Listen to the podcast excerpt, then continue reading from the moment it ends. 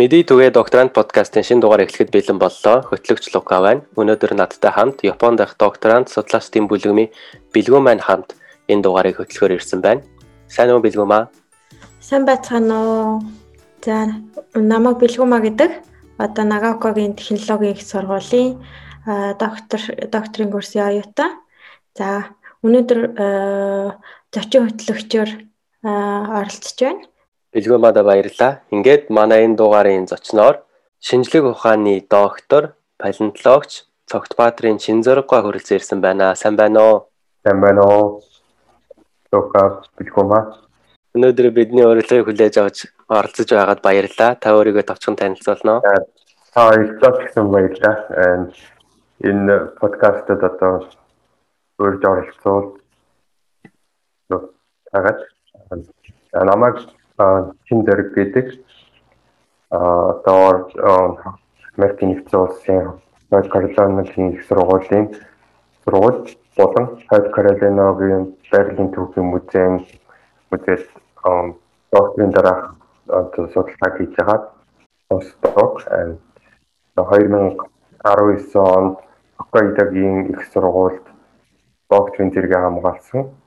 Үндсэн мэрэгжил маань палеонтологч 2005 оноос хойш инкубаторын палеонтологийн хүрээлэнд эрдэм шинжилгээний туслах ажилтлаас эхлээд эрдэм шинжилгээний ажилд хүртэл одоо одоогоор эрдэм шинжилгээний ажилтсан позишн байгаа. Энэ хүрээнд яг докторийн зэрэгэ хамгаалаад мөн одоо 2019 оноос хойш энэ Америк нэгдсэн улсад улсын Каролинагийн их сургуульд спортын дараах судалгааны ажлыг хийгээд Баярлалаа их сонирхолтой ажил хийж байна. Манай өмнөх дугаарадад бас хөндөгдөж байгаагүй сэдв байна. Надад ч гэсэн их сонирхолтой санагдаж байна. Аа Америкт юу нь ямар байна вэ? Корона гээд музейнууд хаалттай байна уу? Таны ажил яаж юм? Судалгаанд нөлөөлж байна уу? 2019 оны яг миний докторийн судалгааны дараах докторийн дараах судалгааны ажил маань 2019 оны намраас аль биесээр эхэлсэн. Тухайн үед бид энэ ковид коронавирус гэж юу ч мэдэхгүй байсан. Тэгээ тухайн үед гарааг байсан. Тэгээ яг тухайн оныхоо шинэ жил өнгөрөөд эх жил 2020 оны нэгнээс энэ ковид маань гарч ирсэн. Хэдийгээр ковид гараад дан ганц Америк гором дийл одоо уулс даяараа, дэлхийд даяараа энэ коронавируст одоо үндэстэн коронавирустай хэдийгээр тэр тодорхой хэмжээгээр судалгааны төлөвлөж исэн төлөвлөлөө хийн гэж яригдчихсэн судалгааны ажлууд маань тодорхой хугацаагаар хойшлоод яг коронавигоос тань ямар нэгэн одоо судалгаа хийхэд өөр музейд очиж судалгааныхын ажлыг одоо хамтарч хийж байгаа бол тэр музейд айлчлан очиж судалгаагаа нийхээ нэг хэсгийг бүр биелүүлэх гэх мэтсэн одоо ингээд судалгааны зорилгоор ийж явах тиймэрхүү юмнууд маань боо тодорхой хэмжээгээр хоригдсон. А мөн яг оргил үе буюу яг Америкт 3 сарын ихээр ковидын халдвар их бүх юмнууд аднаа байж одоо тодорхой хэмжээнд дараал 14 тогтоосон энэ хүрээнд хэсэг одоо болгоны гэрээс ажиллах үүрэг гэсэн хагас жил орчим ковид ковидээс болоод хоригдчихвоо та.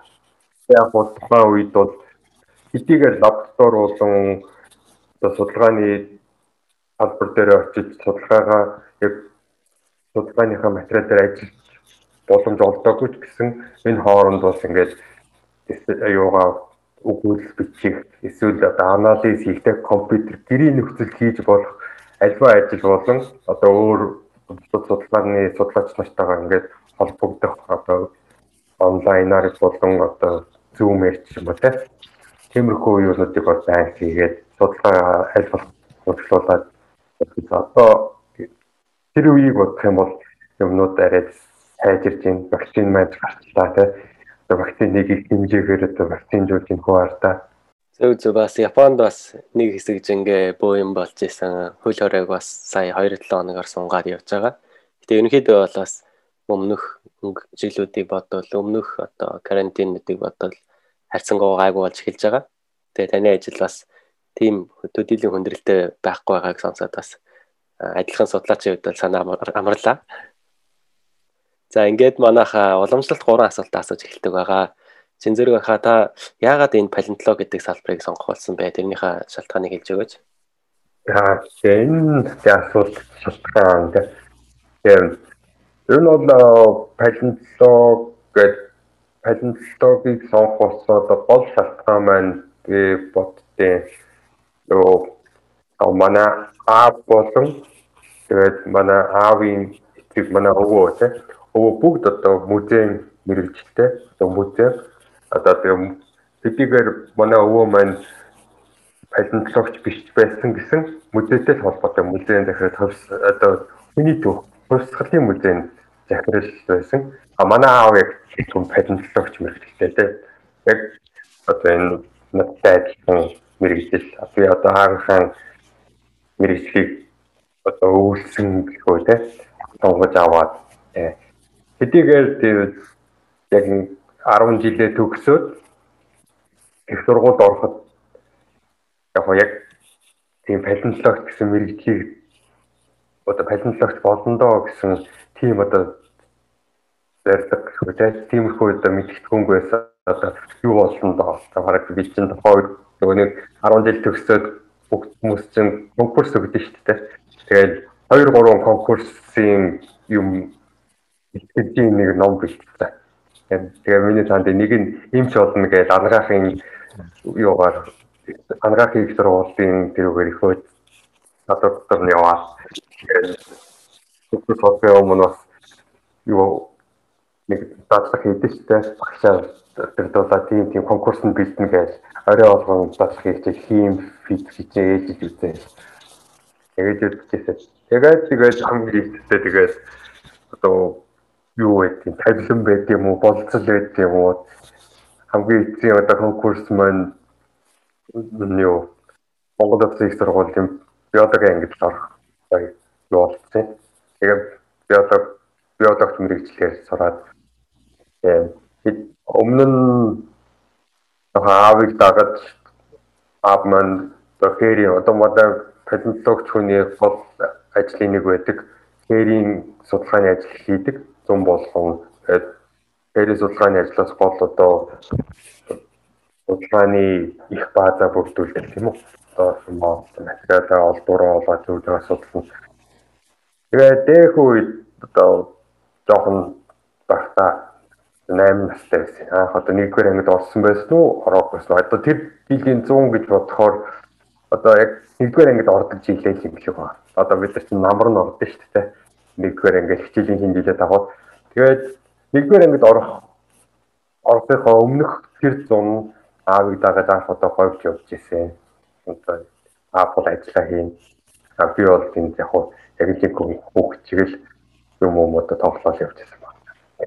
Тэгээд тэр тэр болгонд ягаад би чинь бидний палеонтолог хийх мэрэгжил яваана ингээд их сургууль тэгээд 10 жил гэдэг палеонтолог одоо энэ ухаан ингээд ажиллахад Монгол одоо ямар их баялагтай палеонтологийн олдор болон палеонтологийн судалгааны өв баялаг сангаараа гэж тэгээд аав маань бас намайг одоо палеонтологч болох нэлээд юу болсон баг үлгэр жишээ те. Тэгээд аавынхаа мэрэгжлийг өвлөе хоёрт одоо энэ Монгол улс маань эдгээр одоо бусад оронтой харьцуулахад энэ палеонтологийн мэрэгжил болон палеонтологийн олдвороор ямар баялаг вэ?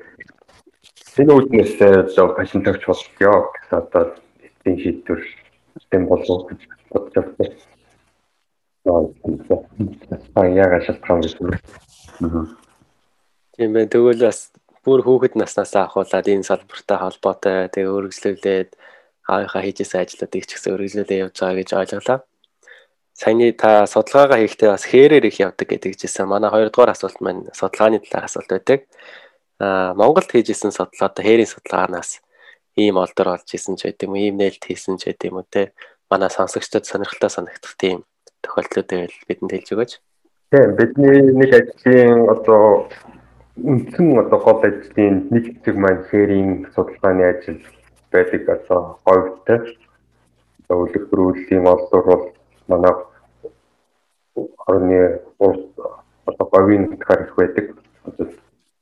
Нийт одоо өвлөгрүүлийн олдор олдог газар нутгийн 90 одоо 80-аас 90 орчим хувь нь өмнө говь болон дорн говь гэж Монгол орны урд явагдан байрладаг. Тэгээ бидний ажил маань хэдийгээр энэ бусад улс орнуудтай харьцуулах юм бол одоо жилийн дөрвөн удиралтай, эрс пирсэн уур амьсгалтай тэр үүднээс жилийн дөрвөн удиралтай байна гэдэг чинь яг нэг нэг удирлын одоо хамрагдах хэмжээ их богинохон болтой. Зарим орон болцсон хоёр удиралтай гэдэг чинь одоо нэг 101 урт байх гэж юм аа те. Тэр үснээс манай зам бол хэрхий богино богиндоо ордог, тооцогддог. Бид чи яадаг те. Одоо наадмын дараа намар гэж гэдэг наадмын дараа намар болсон ажилд ороо гэж. Тэр үснээс их богинохон зүүн бид нэр их их зүйлийг амжуулах ихээр яаж хийх одоо тийм шаардлага үснээс жил болгоно бохэр ажил хийдэг. Тэгээд олдурын хувьд бол одоо олдур нь бол их сонин сонин олдурууд бас олсон л доо. Тэгэхээр сонирхолтой олдур гэдэг үүднээс илүү тэр олдур маань олдоод ямар одоо судалгаанд хэрэгтэй вэ? Ямар судалгаа хийхэд дутагдж байгаа вэ гэдэг. Энэ судалгаа хийхэд одоо боломжтой юм байна гэдэг үүднээс илүү одоо судлаач хүний зүгээс энэ одоо олдор маань сонирхолтой болно. Аа нөгөө дээгүүр бол энгийн хүн харах юм бол мэдээж их сайхан ингээ хадгалагдсан толгооноосоо сүүл хүртэл хадгалагдсан хөтөө олдор байвал сайхан харагдсан юм байна. Мэдээж тийм одоо палеонтологч хүн гэсэн тиймэрхүү хөтөө олдор олсон бол олох юм бол их баяртай, их хаттай, их одоо хад олдор олджээ гэж хэлдэг тодорхойлдог мэдээж судалгаанд бол бүрэн одоо нийцсэн олдор байна нэг судалгаад ажил талаараа 100% олдор гэдэг маань ялангуяа палеонтологийн шинжлэх ухаанд бол их бовор би нэг наамд нэг 65 сая цаашаа нэг 150 сая тий 10 жил. Яг газрын хөрсөнд хадгалдаг хадгалдаг хадгалагдаж байгаад өнөөдөр бидний хас ингээ ирж байгаа. Энэ одоо яс хэдийгээр яс боловсон ч гэсэн энэ хэврэг байдаг дээр нь тэгж 100%-аар хоол гасар аа ховор байдаг ч бас. Яг ковид бол олсон олдрууд бол байна.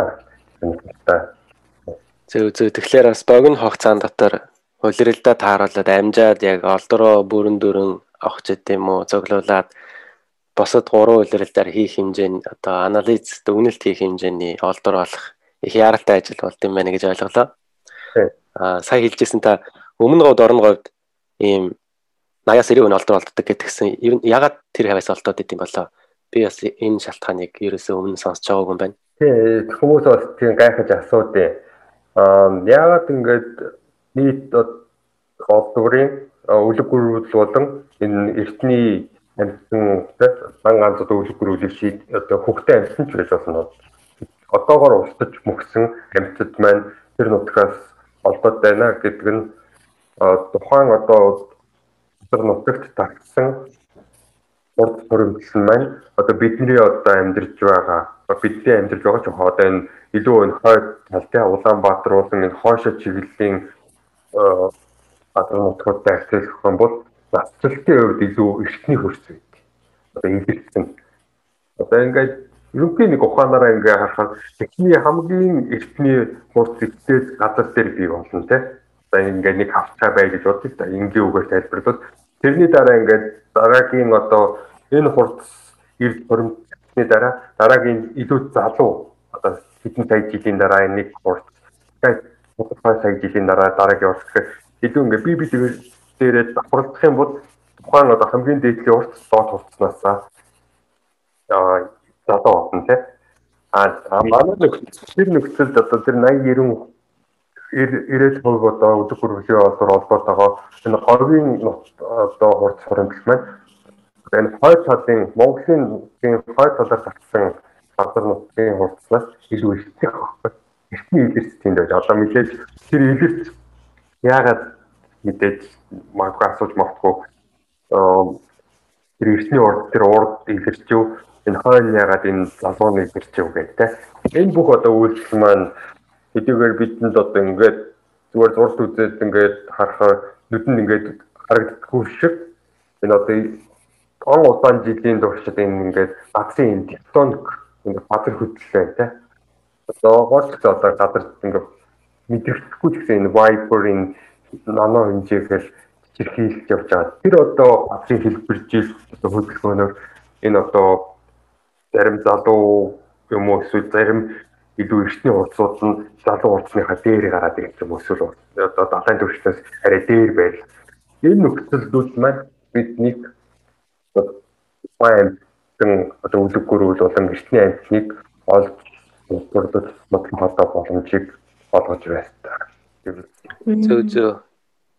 Аа тэгэхээр одоо нөгөө Монголын урд нөгөө говь хэсгэрээ илүү алдаад хойд жишээлх юм бол хөвсгөл хангаан бүс нутгаар ер нь хэр байдаг юм бол жишээлбэл сая одоо нөгөө хөвсгөл далаа дээр бас нөгөө газар хөдлөлөө те гэх мэтчлэн ер нь сүүлийн үед Монголын хойд нутгаар ер нь их газар хөдлөлт явагдаад байгаа юм шиг байсан. Сүүлийн нэг статистик зүгээр мэдээ уншихад тэгээд энэ хойд бүс нутгаар ер нь хэр байдаг юм болоо.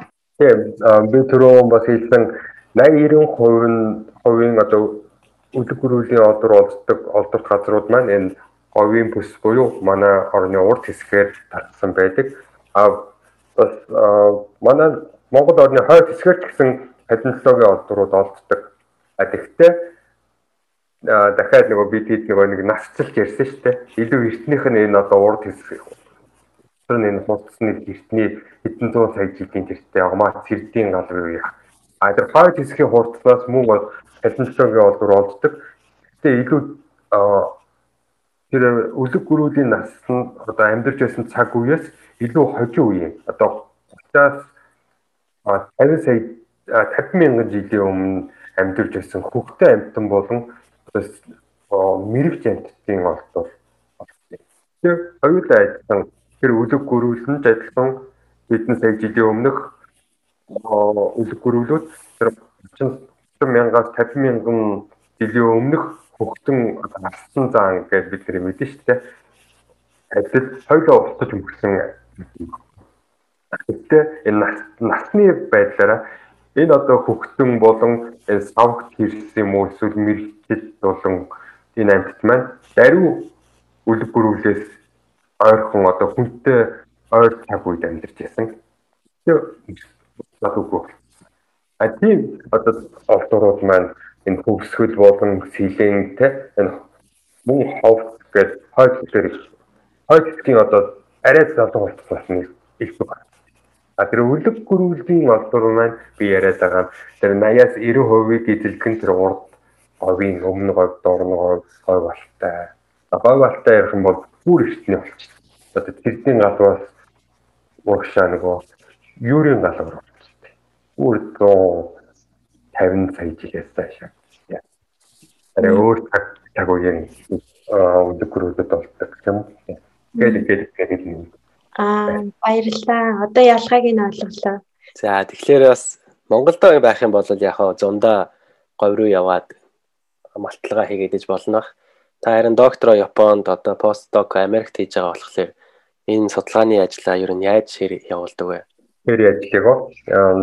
Тэгээ хэри ажлыг доктор доктороо хийж байх үедээ Японд Японд Японд мөн ан одоо Хоккайдогийн их сургууль болон Хоккайдогийн их сургуулийн музейн музейтэй анхлан одоо ингээд хамтарсан судалгаа хийе гэсэн хамтын ажиллагааны судалгааны гэрээ хийгээд докторийнхоо үеэр тэгээ бид нэр одоо хамтарч Сэлж ухааны академийн технологийн хүрээлэн Хоккайдогийн их сургуулийн музей музейтэй хамтарч одоо энэ гэрээний үндсэн дээр жил болгон энэ докторийн ажлынхаа үед дээрийн судалгааны ажлыг мул хийж байсан. Одоо ч бас хийж байгаа, үргэлжилж байгаа. Яг гоо Өөр би энэ Америкт октын дараа сургалт хийж байгаа болохоор мэдээж энэ ковид ч бас харлаа сүүлийн 2 жил бол хэрэгцсэнгүй энэ жил бид нар бас хүлээж байна. Одоо ямар нэгэн байдалтай. А энэ хүрээнд бол нэр ерөнхийдөө палеонтологч хүний хувьд бол империйн ажлыг бол ерөнхийдөө давталтгүй явуулах бол яг адтгэлээд одоо 7 хоног энэ хээр гараад нэг ирэлхий нэг энд одоо судалгаатай холбоотой газраа ирэх чи одоо очих болгонд шинэ мэдээлэл авдаг байхгүй. Мэдээж тухайн цаг үед үед нь одоо бодож байгаагүй санаж байгаагүй байж болно те. Тухайн дурыг олох ч юм уу эсвэл тухайн дурыг олсон газар нутгийн талаар а буцаж одоо ирээд тэр одоо хээри ажлын сезоны дараа ирээд нэг суурин судалгаа хийгээд лаборатори ажил хийгээд явж байхад оо би чинь нэрээ тэр хээрийн энийг олж явах үедээ тийм юм одоо санаж тэрийг шалгах хэрэгтэй байсан юм биш үү. Тэрийг одоо нэг гарахгүй явдаа. Тэр нь юу гэсэн байлаа гэж дахиад нэг ингээд нэг асуултад хоримтлагдаад байдаг. Одоо судлаач та бүгдсэн мэдж байгаа те. За тэр датаг нэг тэгэл биччихсэн да. Одоо энэ талаар нь бичгээр одоо бодож ирсэн үү. Тэр нэг тэгээд хэлсэн дээгээд эргүүлэн бодох юм бол их байдаг. Тэр үднээсээ тийм дахин дахин одоо судалгаанд дуустсан байсан ч гэсэн одоо тухайн одоо судалгааны талбай дээр очиод дахин одоо чек юм уу чекинг хийгээ яваад байхад бол дахиад хүнөөс одоо тийм мэдээлэл гараад ирчих байх юм уу те дараагийн жил дараагийн жил 10 жилийн дараа ч тохиолдол одоо ингэ байдаг лээ. Энэ энэ үеэр бол одоо энэ судалгааны докторийн судалгааны дараах ажлыг хийж буй. Энэ ч одоо хээрээ ажил нэг сар хамрагсан одоо энэ нэтлэн жил одоо ковидын үеэр мэдээд бид нар бол гадагшаа хил давнуулах тийм. Нөө гайгүй. Тэгээд дууны мэдээж одоо ажлын байдлыг маань хэлцээд одоо хийдвэр гаргадаг улсууд хүмүүс хээр ажиллах юм байна ямар нэгэн social gathering хийхгүй юм байна тийм тэр нь болохоор ковид бол хайрцангуй гайгүй. Тухайсаа өмнө одоо ингээ бүгдээрээ ингээ тест хийлгээд окей байх юм бол окей гэж. Тэгээ тэр үднээс энд нэг сарагчм энтхийн Юта мужийн Юта болон Нью Мексико гин тэрдийн олдорт газарт одоо хээрийн судалгааг хийсэн баг.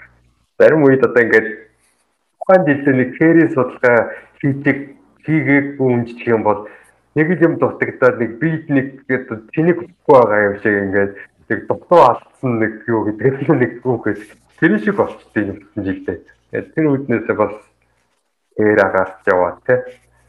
Удаа хийгээ яаж байгаа ингээд ахын сэргээд юмрхүү ажил хийж болсон те. Тэгвэл бас өөрийнхөө судалгаанаас бас ирчүүж авдаг их гоё салбар байна гэж ойлголоо. Сая та хэлжсэн Америкт бас ийм хээрийн ажиллагаа хийсэн гэсэн Монгол Америкт хоёр ингэж хээрийн судалгаа хийхэд ер нь ялгаатай зүйл байсан уу? Хүндрэлүүд нь өөр өөр байдаг уу?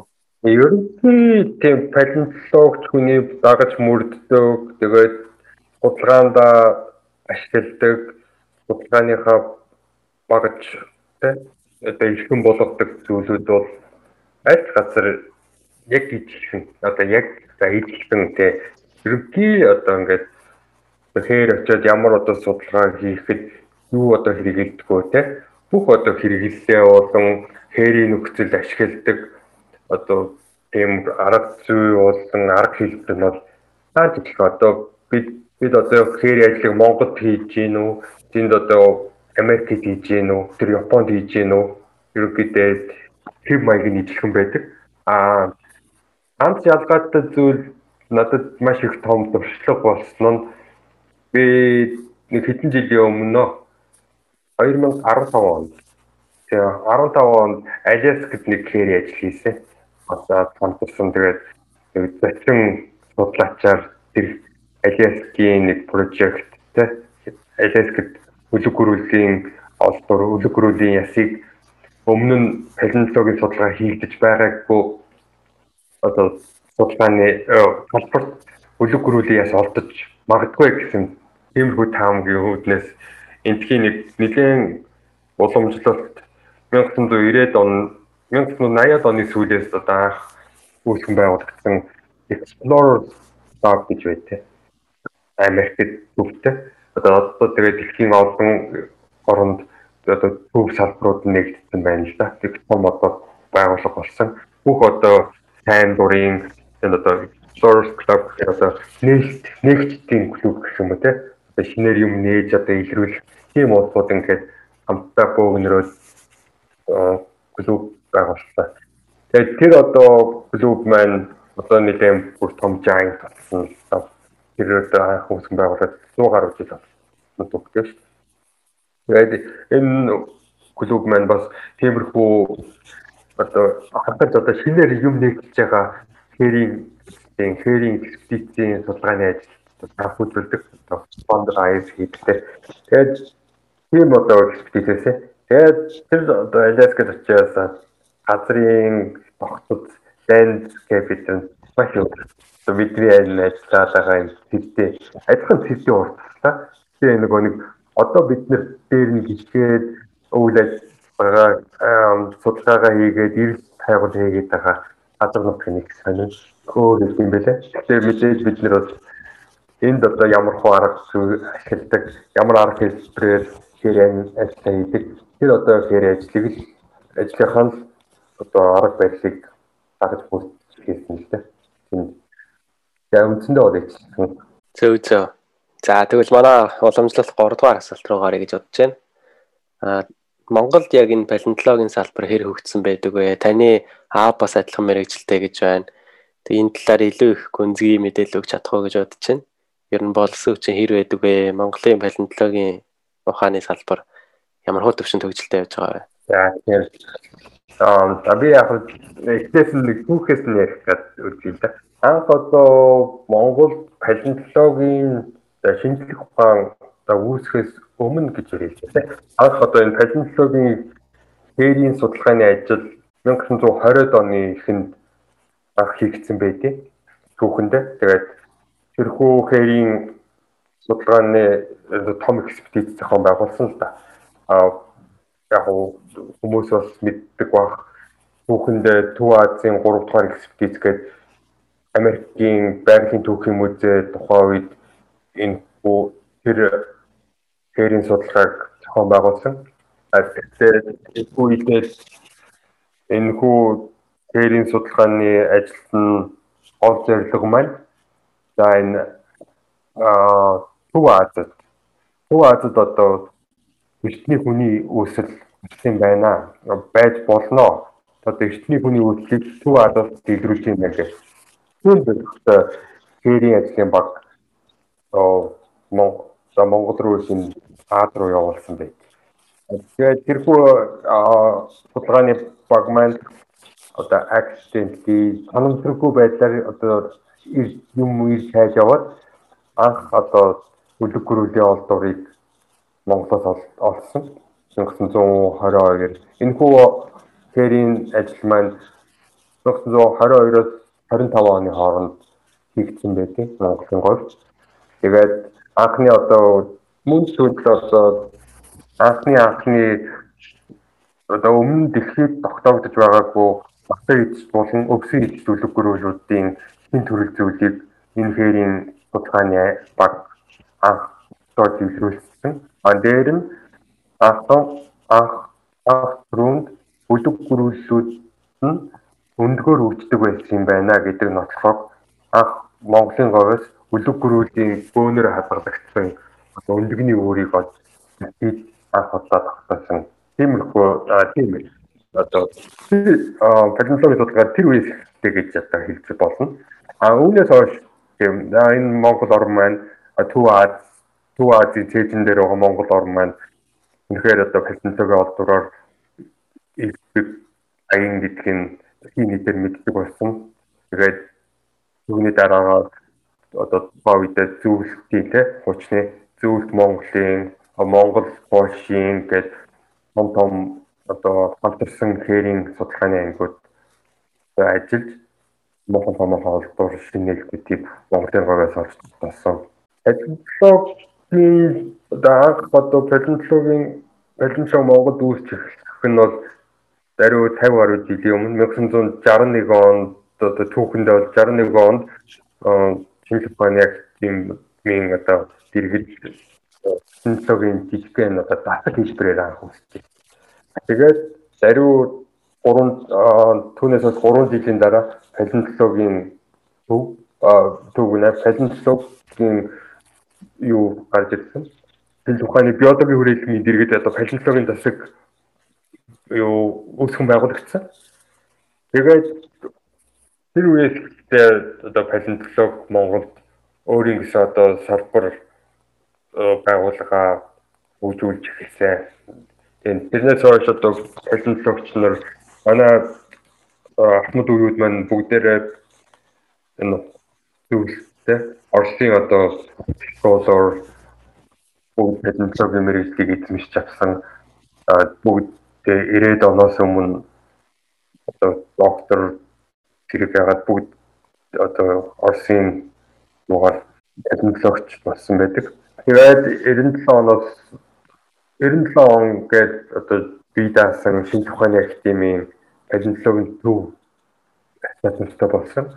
Одоогоор тийм ерөнхий ингээд тийм тодорхой орны фам фамыг ярилтэй. Одоо манай 3 сая Америкт 300 гаруй сая гэх. Тэгэхээр амын тоотой харьцуулах юм бол манайх бол патентологч мэрэгчлэр бол тухайг болсон тооны патентологч мэрэгчлээ патентологч мэрэгчлээ хүмүүс байдаг. одоогийн байдлаар юу судалгааны судлаач эрдэм шинжилгээний ажилтан юугаар статусын дээр бол 40 гаруй судалгааны судлаач байдаг. Палеонтолог мэдээж одоо палеонтологч гэхээр хүн болгон магадгүй хэвлээ үлэг гөрөө судалт юм байна биш те. Энэ палеонтолог гэх тэгэхээр ерөнхийдөө дотор нь палеонтологийг ярихаас хүн болгоо үлэг гөрөл гэж бас доо. Тэр дотор бол эртний одоогоос устдаад үгүй болсон, устдаж мөхсөн одоо амтан ургамлын судалгаа хийдэг. Нэг ерөнхийдөө палеонтологч гэдэг. А дотор нь тэгээ англихаар ургамал судлалын палеоботанист гэдэг юм уу те. Эсвэл юу энэ шээр нурууд нь болохоор үлэг гөрүүлээ орчин тэгээд эсвэл палеомамологист гэдэг одоо эртний хөгжин судлалаа явах юм уу? Эсвэл эртний тавьж судлал гэдэг бүр битгийл одоо орол одоо бактерийн төвчний судалгаа бас хийж байна. Палео бактериа гэдэг тэгээд Энэ бүгд одоо ингээд энэ судалгааны энэ төвчтөн Монголын үндэсний палеонтологч энэ салбар салбарын чиглэл руугаа өөр өөрийн салбар руугаа цагаа хийгээд байдаг. Зөв зөв тэгвэл манай палеонтологийн салбар бол их урт түүхтэй бас дэлхийд одоо анх удаа батлагдсан мэдээллүүдийг олдцоодыг өгчээсэн бас маш том хувь нэмрийг оруулсан байна гэж бодлоо. Би бас нэг өөр нэг юм хэлэх юм байна. Юу одоо тийм нөгөө өмнө хийжсэн нөгөө анхны 22 онд юу палеонтог анхны судалгаа хэри ажил хийгдчихсэн гэж хэлсэн тийм.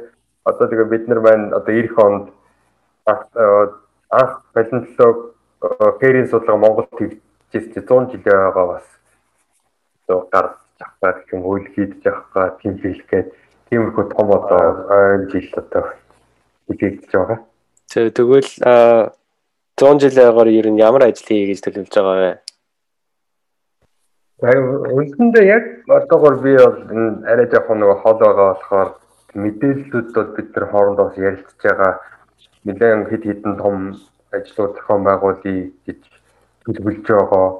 Одоо энэ хүрээнд нодлон үрдсэн болчтой. 2019 оны 100 тухайн одоо энэ жилиг учир нь 2019 онд яагаад энэ ажлыг зохион байгуулсан юм бэ гэхээр анхны нөгөө нэг Америкийн байгалийн түүхийн музейн зохион байгуулсан Монгол байгуулсан хэри ажил гэж ярьлаа шүү дээ.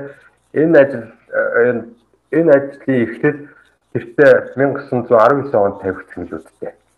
Тэгээд тухайн үед нөгөө нэг Монголд нөгөө нэг ардын хувьсгал гэдэг нөгөө нэг юу улс төрийн нэг ажиллагаа байдаг юм те. Тиймэрхүү нөгөө үйл явдлаас 2019 онд анхны хилцээр хийгдчихэд яг дараагийн жилээ явуулж чадаагүй тэгээд нэг 21 онд ч манайч нөгөө нэг ардын хувьсгал ялсан шүү дээ. Тэр тийм их нэг revolution-ы үйл ажиллагаа болоод тэгээд 21 он 2021 оныг өнжөөд 22 онд хийх одоо зөвлөл авсан байдаг. Түүхэндээ тэгж утсан байдаг. Тэгээд тэр үедээс 19 онд яг л одоо нөгөө номлоороо гэдэг юм уу, замлаараа гэдэг юм уу 19 онд бид нэр тухайн одоо энэ жилийн өөрчлөлт болгож олон улсын Азийн үлэг гүрүүлүүдийн холбоо гэж байдаг. Азад Японд төвтэй.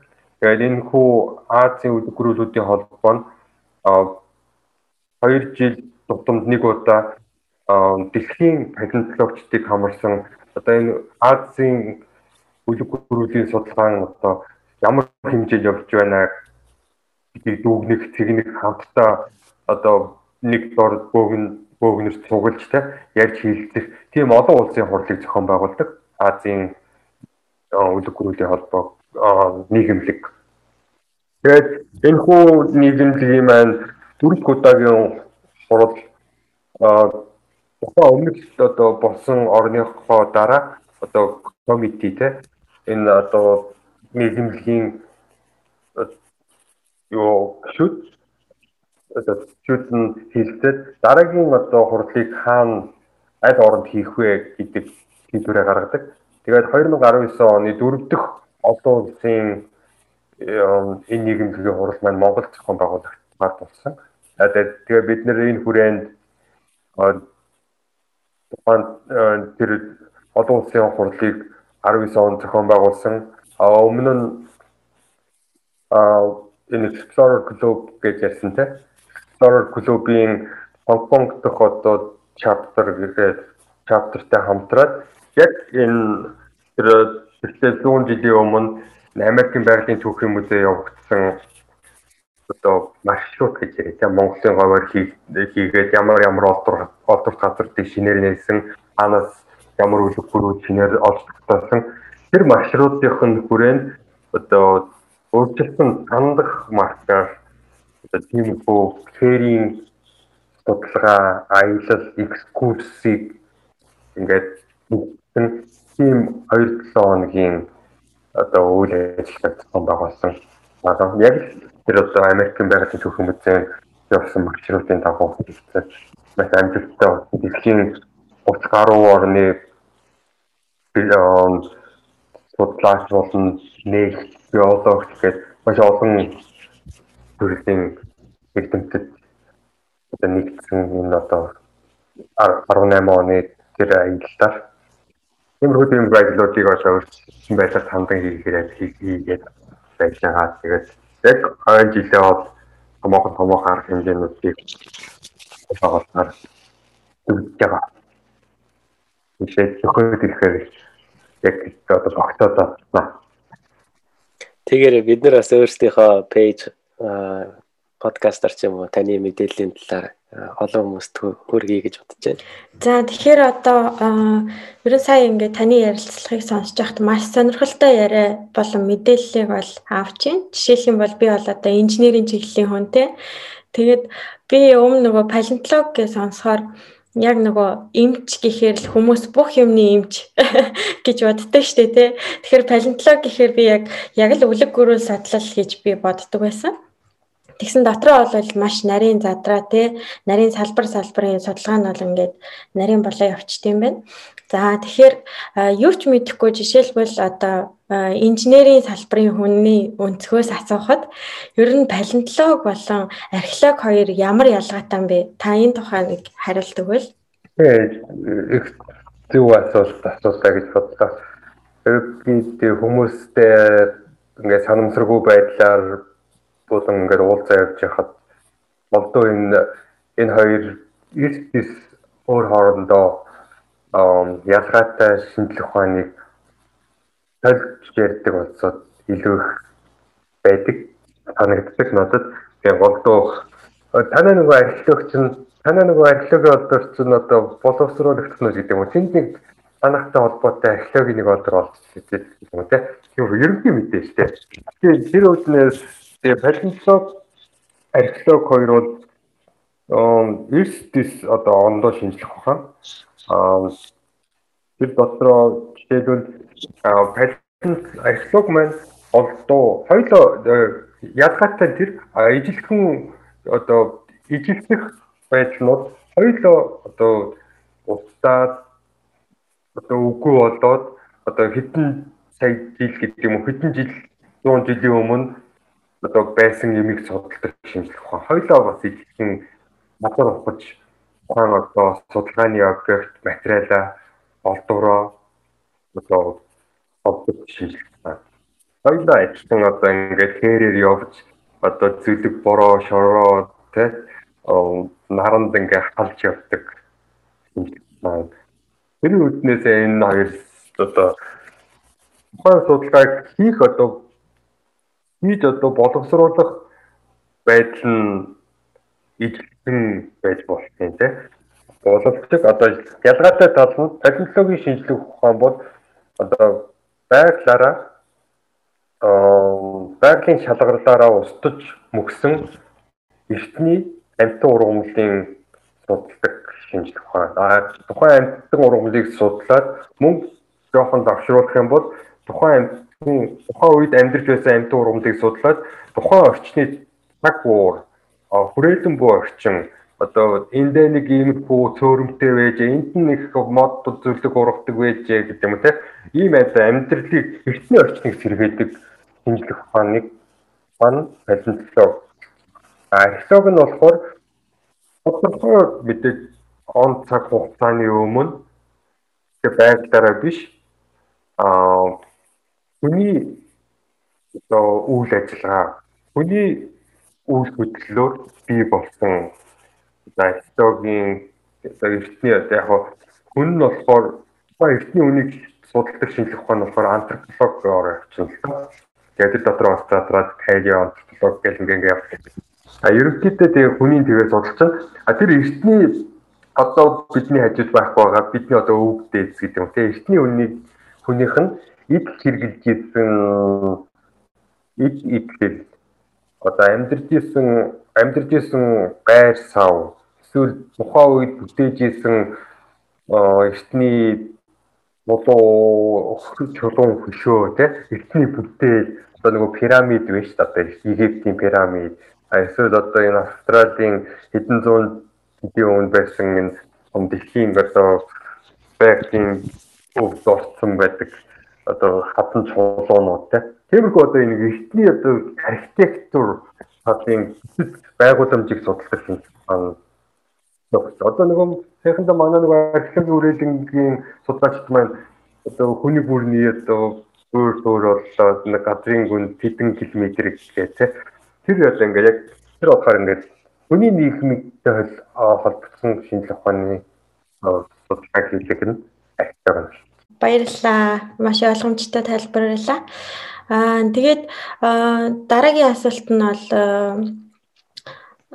одоо яг судлаач хүний нэг өөрийнх нь нэг юм өнцгөөс зүгээр босод хүмүүсийн хувьд яг айгу онцгой олдвор байсан байж магадгүй те яг таны хувьд одоо энэ олон жил судалгаа хийгээд ирсэн энэ дундаас нь яг нэг таны юм сэтгэлийг татаж үлдсэн ч гэх юм уу яг хамгийн онцгой тийм ховор гоё юм олдвор нь юу байсан бэ та энэ тухайгаас ярьж өгвөл сонирхолтой авах болов Тийм би дөрөв хэлсэн альва одоо үлэг гөрүүл болон одоо палеонтологийн болдог. За яг энэ удаад палеонтологи дотроо үлэг гөрүүлийг онцлоод ярьчих л да тий. Би өөрөө бас яг ингээд үлэг гөрүүл судалдаг.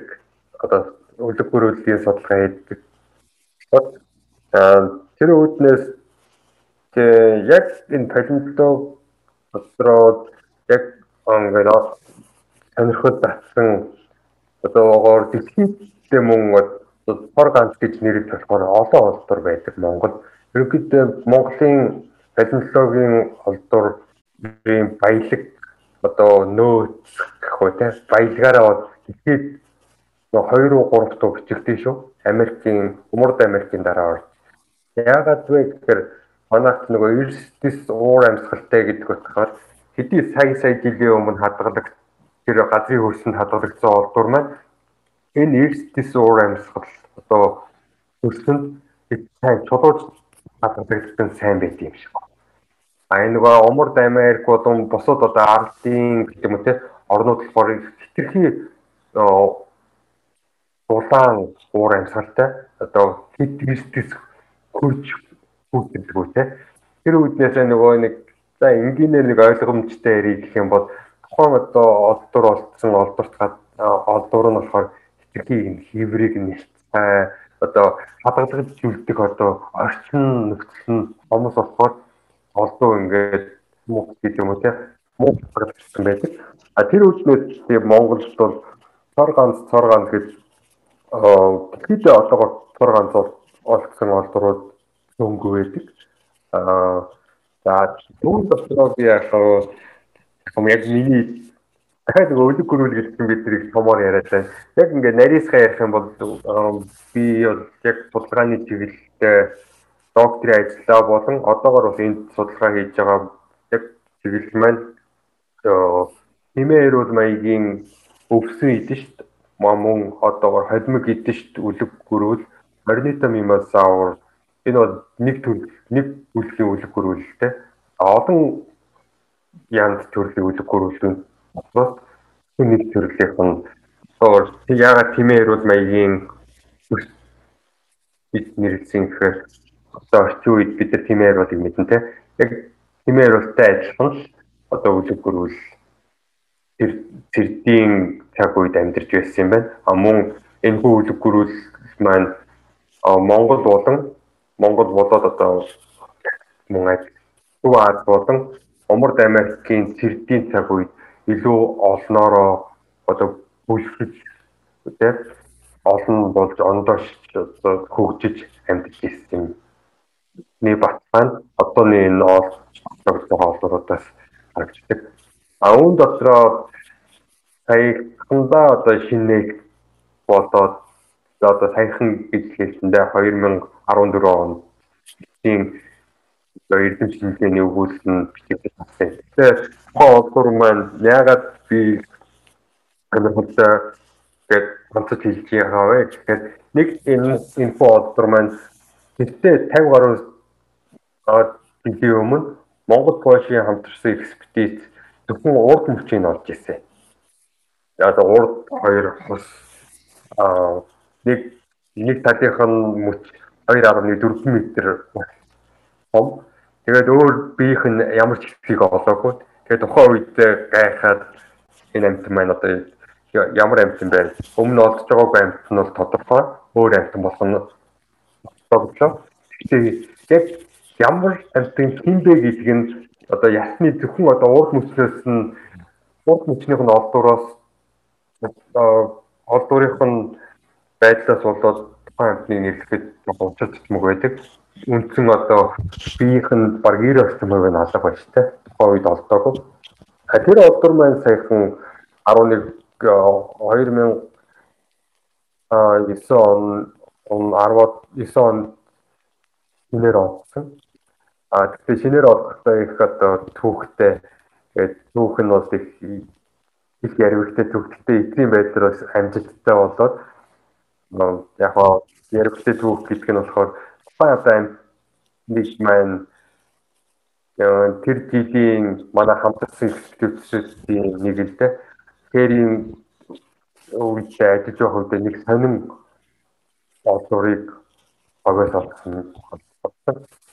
Тэгээд ингээд юу тэр ил гарсан яснуудын ажлуудад үзсэн энэ хүү амтан маань өмнө тэр газар нутгаас олж ирсэн амттаас 9 ондоо энэ одоо ямар амтан бэ?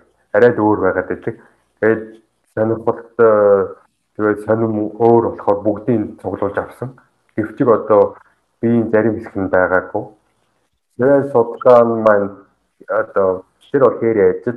Тэгээд судалгаа бол мэдээж лаборатори одоо олбор ачаад үргэлжлэн тэ боловсрууд нь хурцлаасан салхна гэж. Тэгээд яваад тэр явж явах үед нөгөө одоо дэлхийн нөгөө тал нь энэ хүү олдор маань анх одоо мэрэгжлийн палеонтологчдын баг олоход бол хууль бусаар хугагдаад ингээд сүйтгэгдсэн. Тэгээд яг гоо мэрэгжлийн хүмүүс нь бусад одоо үлдээгээд эвдээд өгсөн үлдсэн хэсгүүдийн сонин гэдгийг олж мэдээд тэгээ бүгдийн түүж хэрэг а цуглуулж авчирсан. Тэгээд тэгж явах явцад тэгээд судалгаагаа үргэлжлүүлж явах явцад Бельгийн юу газраас бэлэг орноос манай нэг өөр нэг бодож байна. Тэр нэг бэлэг бэлийн нэг хувийн одоо одоо цуглуулах цуглуулахтай нэг хүний цуглуулга нэг сонио амьтны болоодсан олдоо байна гинэ. Тиймэрхүү анхны одоо сураг ажиг хараад тэгээд судалгаа маань ингээд яг олон яг төвчлөө ярьж олон одоо шат амьдлаар нэлээд хэдэн жил шиг өнгөрсөн. Тийм чинь энэ хүү амьд бидний тэр жил олсон амьтан маань тэр одоо бэлэгт одоо хувийн цуглуулагчийн цуглуулагд байгаа амьтны амьтантай нэг амьтан болж таарад.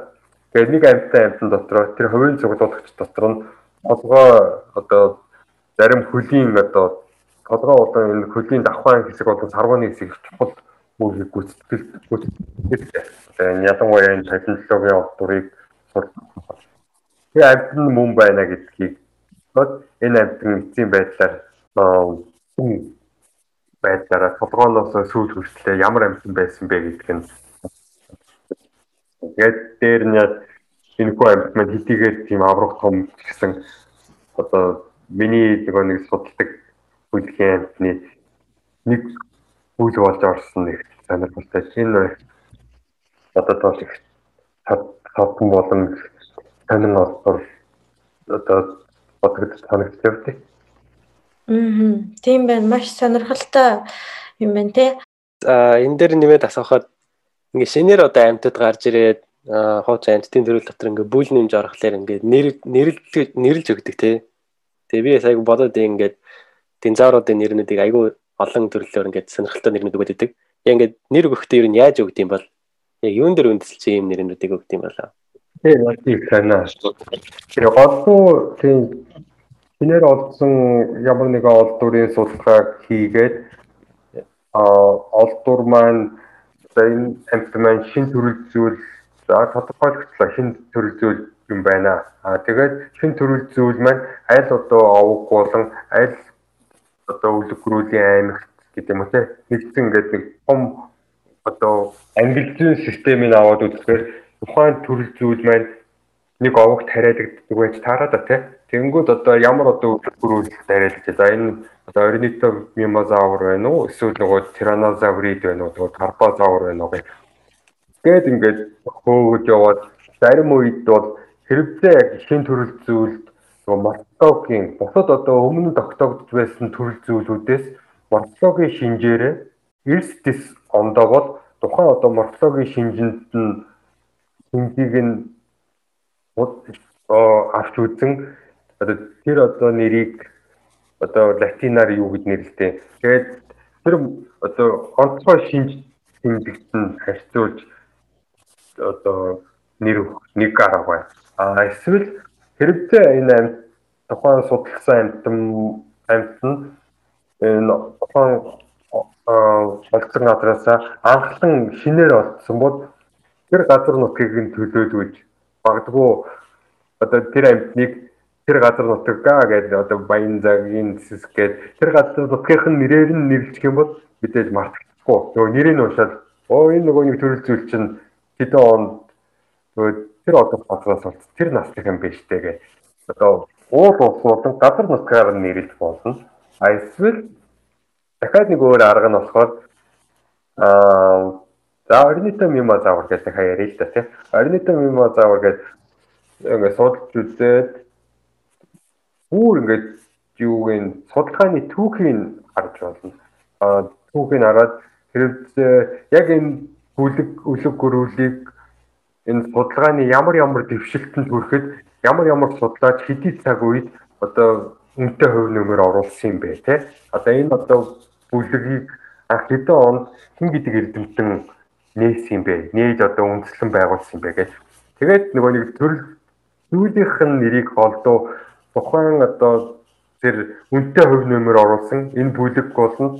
Тэр бүлэгт үнэтэй судалгааны байдлаараа үнэтэй хувь нэмэр оруулсан хүний нэрээр нэрлээ. Эрдэмтдийн нэрээр. Тэгээд их олон олон нэр нэрний одоо нэршүүлэх нэр өгөх байна. Монголоос олдсон одоо динозаврын яс ч юм уу тэрийг монгол нэрээр нэрлсэн тийм жишээ байдаг уу? Өө зөндөө байгаа шүү дээ. одоо хамгийн одоо голдуу одоо Монголоос олдсон олдурууд маань за зүйлийн хувьд бол Mongoliensis гэдэг Mongolians гэдэг Монгол гэж байгаа тийм. А яг Монголоор нэрлсэн олдурууд их байдаг. Тэгээд юм бол ад ад сэтгэр сэтгэр гэж ярьдаг тийм. Ад сэтгэр гэдэг Монголын тэрнтэй адилхан нэг ахын идэж төлөв хөрүүлээ тийм. Адасаавар Mongoliensis. Тэгээд энийх нь урдтайх нь ад гэдэг нь ад сэтгэрийн одоо энэ ямар амьтаа олдсон дотготой шүү дээ. Энэ одоо юу байгаа? Энэ юу вэ гэдэг зочиж байгаа юм шиг. Тэгээд адда заавар гэдэг чинь нөгөө заавар гэдэг чинь гүрвэлтэй. Динозавр гэдэг. Тэрний ад заавар тэгээ Монголиас гэдэг Монголоос олдсон гэдэг. Энийг 1983 онд манай нөгөө тимч бас болдгоо олж тогтоогод 1983 онд энэ Адазавр Mongolia гэдэг нэрээр энэ ах ээж төлөв гөрвөлийг нэршүүлж ирсэн. А мөн одоо хайд нэг миний санаж байгаа цагаан мангас гэж байна. Цагаан тэгээ мангас гэдэг цагаан гэдэг нь төрлийнх нь нэр, мангас гэдэг нь зүйлийнх нь нэр. Ингээ хоёр нэр байгаа тийм. Тэгээ хоёулаа монгол нэртэй. Яагаад тэр нэрлсэн гэхээр тухайн одоо өлөг гөрүүл маань бас махын иж төлөг гөрүүл дормизавридийн хавх тариалагддаг. Тэгээ зөвхөн толгой нь болцсон байхгүй юу? Толгой нэг сайхан хадгалагдсан бүтэн толгой. Тэгээ ингээ нөгөө яг патент яг патентлог яг хөлөг гөрүүлийн олдурууд маань хадгадаг зүйлдэгтэй маань хадгадаг зүйлдсэн хурд хөрөнгөлтөөсөө болоод хөнгө нь өөр өөр байдаг л да. Ямар одоо эрдцэлтэй эрдц хөрөнгөлт би яасан тэгээ зарим нь цагаан байна, зарим нь дашпар байна, зарим нь шаргал өнгөтэй байна. Ингээд зарим нь улаан байна тий. А тэгэхээр өнгө бол яг одоо одоо factory гэлтгүү яг ингээд төрөл зүйл болоход тэр бол зүгээр л хувирал энэ ямар хурцсанд хэдэн сая жил хадгалагдчихыг л одоо илэрхийлсэн. Тэрнээс биш яг энэ морфолог шинжуулан тиймэрхүү англи зүйн системд бол нөлөө үзүүлдэг. Нөгөө нэг дин заавар маань зөвхөн толгой нь олдод тэгээд нөгөө олдсон олдур маань бат цагаан тэгээ мангас шиг тэгээд цагаан мангас гэдэг нэр өгсөн жишээтэй. Энэ бол нэг үгүй хоёр жижиг миний санаа. Гэх мэтлэн олон одоо одон өлөг хөрвлүүд монголоор нэршсэн монгол нэр авсан юу олборууд байдаг. Тэрс өмнө сонсож байгаагүй жишээ нь хэлжиглэх сонирхолтой санагдлаа. Энэ Адсаур нь болохоор Адасаурус гээд цагаан мангас нь болохоор нөгөө албан нэршил нь яг юу гэж нэрлэдэг юм бол цагаан мангас аавар гэдэг юм. Одоо яг яг одоо адны ясны нэршил цагаан мангас. Одоо англиар хоёр цагаан мангас гэж одоо яаж хэлэх вэ? T S A A G A N мангас гэж хэлдэг шүү дээ. Тэгээд яг Априосны шинжлэх ухааны нэр нь цагаан мангас. Яг тэгээ нэрлэлсэн байх те. Цагаан цагаан гэдэг нь төрлийнх нь нэр, мангас гэдэг нь зүйлийнх нь нэр. Тэгээд цагаан мангас. Яар сонирхолтой. Аа сонирхолтой сонирхолтой өшөө ухаад үзээд байвал их сонин сонин юунууд нэртэй Монгол нэртэй өлөг хөрвлүүд Яста мэднэр юм байна. Ингения, Ингения Яншин гэдэг за Ингения гэдэг нь бас төрөл овгийн нэртэй. Энэ бол дахиад нэг хөдгүү нэг ограптер төрлийн төрөлд хамаардаг. Аа өлөг хөрвөл төрөлжүүл. Тэгээ Ингения гэдэг нь яг Монголын энгийн гэдэг үгнээс гаралтай. Энгийн тэгээ Яншин, Яншиня гэдэг нь яг гоо эрдэмтний нэрэлтэй Орсын нэг эрдэмтний нэрээр өгсөн. Тэгээ Ингения Яншин гэдэг бас Монгол бүх нэршилд нь орсон нэг юм үлгэр байна. Мэдээ олон юм байна. Олон нэр өгсөн. А сүүлд тийм бас өөр нэг хэлбэр нь одоо нэг Америкийн мэрэгжлийн түүх юмуд бас одоо хамтарсан судалгаагаа үргэлжлүүлээд явж байгаа. Тэдний голдуу бас ингээд бодхон одоо манай нөгөө буддаа байна те болтны болтны нэрнүүд өгдөг одоо төрөл зүйлийнх нь тэгээд байдаг. Юмд бас нэртэй тийм их гоё юм байна. Та сая нөгөө ярьж байхдаа их сайхан толгой бүтнээ олдсон гэдэг гэжсэн ингээд яг палеонтологи гэдэг ингээд малтаад одоо 65-аас 150 сая жилийн өмнөөс байсан тэр одоо амьдарч ирсэн амьтны ясн ингээ бүтнээр нь гараад ирэхлээр амар баярлдаг уу? Ой тэгэлгүй яг хоо юм чинь бол яг одоо талентлагч хүний нэг өсөлтэй хэд хэд одоо хэдийгээр сайхан аа одоо тэр ажиллагаа явж байгаа ч гэсэн мэдээж хэцүү хэцүү нөхцөл одоо уууд гарна. Тэгсэн өдрийн дор балуун наран доор явна. Зарим үед устай, буруутай, шуурхтай байна тийм ээ. Хийсэн шуурган дунд байна. Тэгэхээр бидний эцсийн зорилго бол шантардаг уу. Тэгээ явах нь бол улам одоо улам рефреш аваад байдаг боловч бидний бас эцсийн зорилго байна. Сайхан юм олчихыг л зорж явна шүү дээ. Хэдий тэр хилтэй шуурхтай үед салхитай үед бүхэл өдрийн турш одоо нүдээ дахих завгүй явж одоо юм болдог болсон чинь тэр үед тэр момент бол их сайхан шүү. Гэхдээ бас нэг 10 жилийн өмнөд яг болж ирсэн. Асал зүгээргүй өдөр байсан. Говийн одоо бас цаг агаар чинь их босгоно шүү дээ. Өглөөдөө их сайхан нар мандаж гарч ирэл 11 цаг 12 цаг үед сайхан байгаад өдөөс хойш 2-оос эхлээл шуурга тавиал сүүл рүүгээ 4 5 үед нэлээд шуурхтай эрчин нэлээд оргил үед ягаад нэг 6 7-оос хойш дахиад эргээд нэг намддаг гэх тийм их үе үед явагддаг. Тэгээ нэг өдөр явж байгаа тэр хээрийн ажил. Голоо бид нар бол одоо ч олон хээрийн хамтарсан ажлууд зэрэг хийгддэг боллоо. Одоо улс орны нөгөө нэг палеонтолог гэдэг маань дангац Монгол монголчууд бид нартэй палеонтологчид нь Монгол Монголынхоо одоо олдурыг судлаад зохисдгоо палеонтолог маань яг шинжлэх ухааныхаа үүднээс бол дэлхийн дэлхийн одоо шинжлэх ухаан баггүй. Ангад одоо Монголын одоо тэр цагаан мангас те тэр адазаврыг судлаад энэ одоо Монгол палеонтолог юм ээ гэж тодорхойлох бол учир тутагтай. Энд одоо Монголд олзоо олдурыг дэлхийн өөр өнцөг бууланд олцсон төрөл зүйл нь нэг одоо дуртай ажлуулан шинжиж улам төрлийн ялгааг нь тогтоож шинжлэх ухааных нь байр суурийг олж тэгээд нэр дэвшүүлж эцсээ одоо дэлхийн шинжлэх ухааны одоо экспертүүдээр экспертүүд орсон эрдэм шинжилгээний сэтгүүл хэвлэгдэж баталгааждаг дахин шинжлэх ухаан.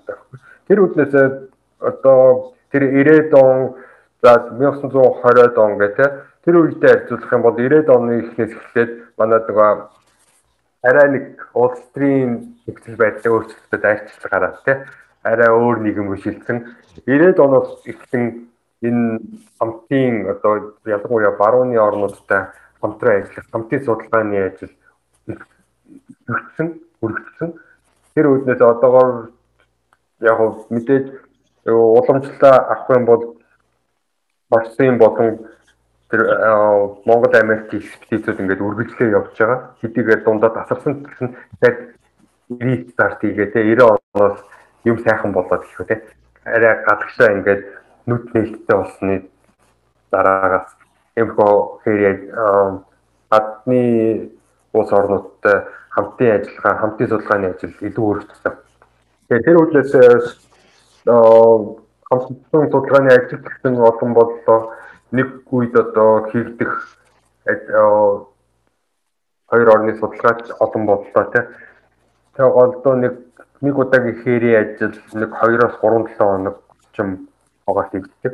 А дэх үедээ 90 он тэрнээс өмнө за нэг тэр 40-од он 60-ад оны үед бол нэг удаад нэг хээрийн ажил нэг Угны 3 сар 4 сарын турш тасралтгүй явагддаг. Одоо нэг удаа гэртээ ирэхгүй 3 4 сар хэрэг хөдөө тэгж явдаг. Одоо одоо 3 3-аас 2-оос 3 7 хоног хэр ажиллаад ирээд тэгээд ингээд судалгаагаа хийгээд.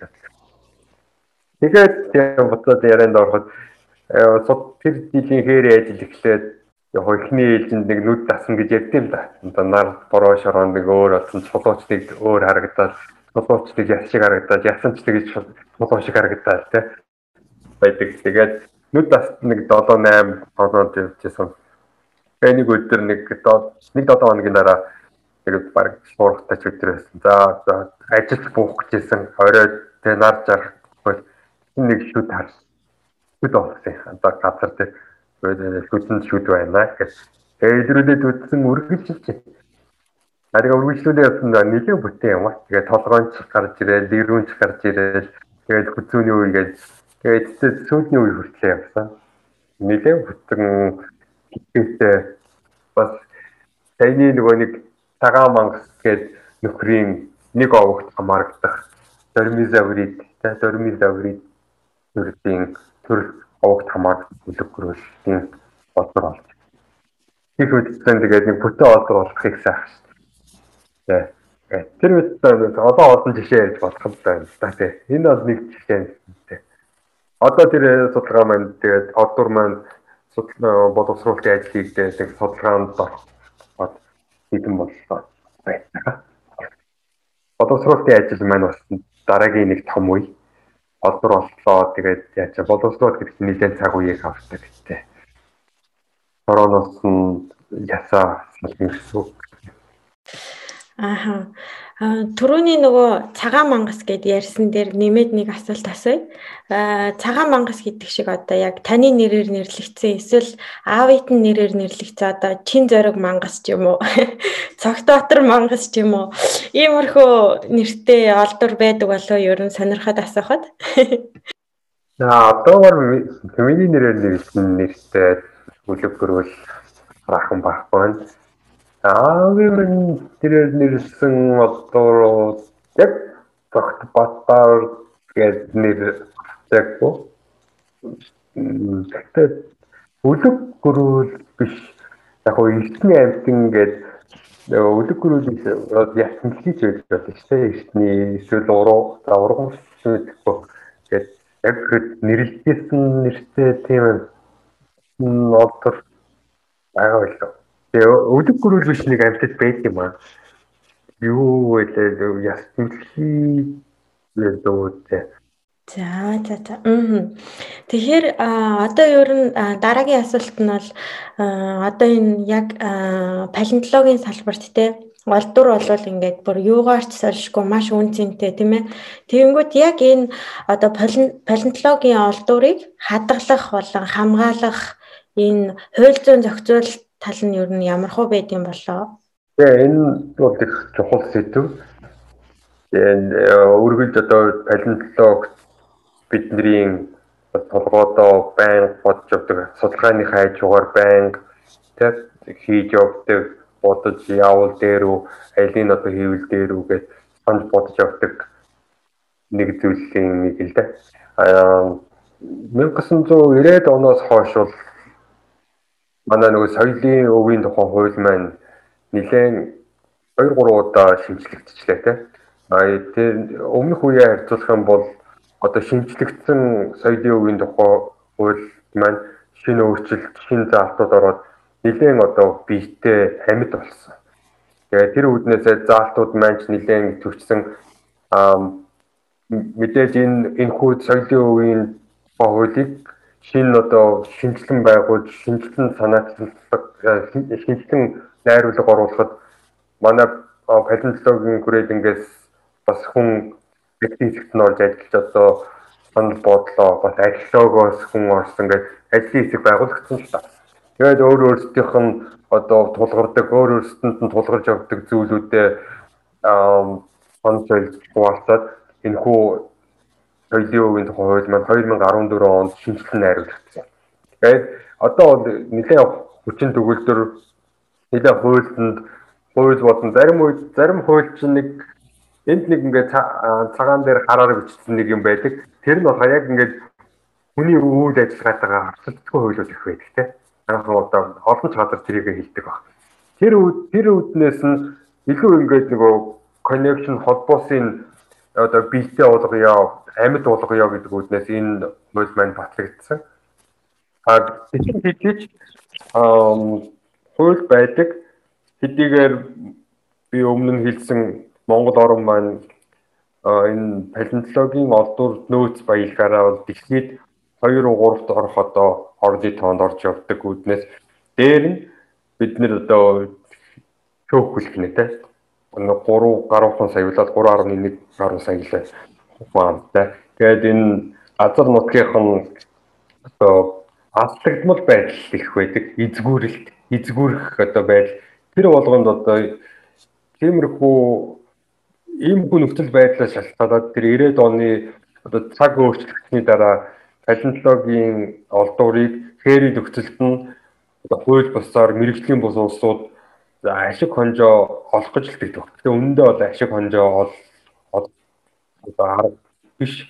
Энэ болохоор үндсэндээ бол улс үндэстнийхээ соёлын эсрэг хийсэн одоо гинт хэрэгэл гэж одоо дүгнэгд нь олон нь ингээд үзгүүцсэн одоо жишээнүүд олон ярьж болохоор байна. Тэгээд тиймэрхүү одоо үйл явдал жоохон эрчимсэн тийм муу талтай. Тэгээд тэрнийх нь одоо тэр 90-ад оны дунд үеэс эрчимсэн иймэрхүү хууль бус үйлдлийн үр уршиг нь өдөрт одоо бид нар дээр одоо яг нүдэн дээр ил харагдаж байна. Тэнд одоо тийм одоо Монголын олдур тэгж хууль бусаар гарлаа. Одоо тичнээн 20 30 олдур Америкийн гайл дээр одоо Монгол руу одоо буцаагтаад хүлээгдэж ингээл их олон олон мэдээ Google-ээр хайгаад үзвэл бид нэр олж уншиж чадсан л та. Аа тэгээд бидний зүгээс энэ хүрээнд одоо авч хэрэгжүүлж байгаа цөөнгүү боловч асууд одоо тамалжил байгаа л да бид нэр хэдийгээр юмнууд ажлууд хийгдэж байгаа ч гэсэн бидний хийж байгаа ажил бас чамлалттай л. Аа боловч ажлууд хийж байгаа. Энэ одоо соёлын үе одоо үүргээ одоо ухамсарлах одоо бид нар соёлын үеийг хамгаалах одоо энэ нэгжийн үед хамгаалах одоо үүрэг гүйцэтгэх үүрэгтэй одоо төрийн албаа явдаг байна. Тэр үднээс одоо олон ажлууд хийгдэж байгаа. Аа түүний нэг томоохон нэг жишээг хэлэх юм бол одоо сонсон доход 1990-ад он 95 онд Монгол Японы хамтарсан экспедиц а өмнө гоо аймгийн юу Хамбогд сумын ойролцоо, Манлайн сумын ойролцоо өлөг гөрүүлийн мөрт газар болсон. А өлөг гөрүүлийн хөөнөр алуулагдсан олдурыг олж илрүүлсэн. Тэр нь болохоор одоогоор хэмжээгээр бол нэг 2000 200 м гаруй хааш хаашаа нэлээд том дотор нэг 15000 гаруй 4-өөс 5 төрөл янзын бүлэг гөрүүл ингээд ил тийш ингээд гүүгээд өнгөрсөн мөрнүүд бодогдсон нэг юм хатар тэгээд ингээд бүгдийг ингээд шинжлэх ухааных нь томьёолоор өгжүүлээд бодоод ингээд тэр одоо бүх бодлого хамарсан дөрвөлжлийг хамарсан мөрүүдийг нэг хүртэл тоолно гэж багхгүй шүү дээ. Тэгээд математик системд оруулаад хамгийн интерсеттэй хэсгийг одоо метр метр квадратын хэмжээнд авч үзээд оруулсан тухайн газар нутагт нэг 15-аас нэг 18 мянга орчим үлэг гөрүүлийн мөр байна гэж судалгаан дээр авсан үр дүн байдаг. Тэгээд тэр дотор нэг 4-өөс 5 янзын махан идэж болон өвсөн идэж үлэг гөрүүлүүд ингээ бөөнөрөө нэг дараа. Тэгээд энэ хүү олбор маань мэдээж энэ хээрийн нөхцөл тийм том хэмжээгээр тийм том газар нутгийг амарсан олбор маань олдорыг давталтуулсан энэ судалгааны хүрээлэндээ авчирч боломжгүй шүү дээ. Ганц одоо боломжтой нөхцөл маань хээрийн орчинд нь хадгалах умгаах одоо шаардлагатай юм байна. А тэгээд түүнээс 95 оноос хойш тэгээд яг нөгөө нэг юм чангарч их үедээ нөгөө хууль бус гэдэг дөрөвөөс тэр одоо үйл ажиллагаа бас биднийг бас нэг зовоож ирсэн. Тэр үүднээс зарим мөр зарим хэсгийг ингээд шууд газар дээр хөрөөдөөд хуулаад аваа явцгаа гэж хүний үйл ажиллагаа а бас мэдээж байгалийн үйл ажиллагаа одоо мал хөл дээгүүр нь явахтай мал хөлтөөр гээд ивдэл сүйтгэх. А мэдээж энэ байгалийн одоо үзэгдлийг бол бид нар байж чадахгүй. Бороо норвол бид бороо оруулахыг тагсаач чадахгүй тийм үү? Шуур тавихыг тагсаач чадахгүй. Байрлалыг өөрчилж чадахгүй. Гэдэг үгнээс энэ ганц одоо шийдэлдэг арга маань хан ганц Монгол биш дэлхийн хадгалж байна. Фэри орчил нь хадгалах тийм бас байдаг. Тэр үднээс тухайн газрыг одоо эзэмжүүлэх хэрэгтэй юм байна. Тэгжиж одоо энэ газар маань хамгаалагдах юм байна. За тэгээ эзэмжүүлнэ гэсэн тэр одоо хээр, усгүй, зилүүд бараг ойр хамгийн ойрын нэг айл нэг 100 км яваад очих юм ба тийм үү. Тийм газар одоо хэн очиж эзэн байл бай тийм ээ. Гэж одоо асуудлууд гардаг. Тэгээд эцсийн шийдэл маань бид нэр төсөл үчээд төсөл үчээд энийг одоо хамгаалъя. Тэгээд хашааж утсан л да. Хамгийн ихний ажил маань тэр нь хашаажуулж авах нь бол ядаж малын хөлөөс гардаг юм байна. Тэгээд тэгээд тэрнээс хойш yoo энэ орон нутгийнх нь нэг томоохон соёлын өвийг дэмжигч том том уул уурхайн компаниуд байна да жишээлбэл оюу толгой байна тий хам бүгд нутаг болсон тэгээд соёлын өв чиглэлээр үйл ажиллагаа явуулдаг тухайн хүмүүс оюутын сан гэдэг бас иймэрхүү нэг юу соёлын өвийн талаар үйл ажиллагаа явуулдаг тийм байгууллага байна.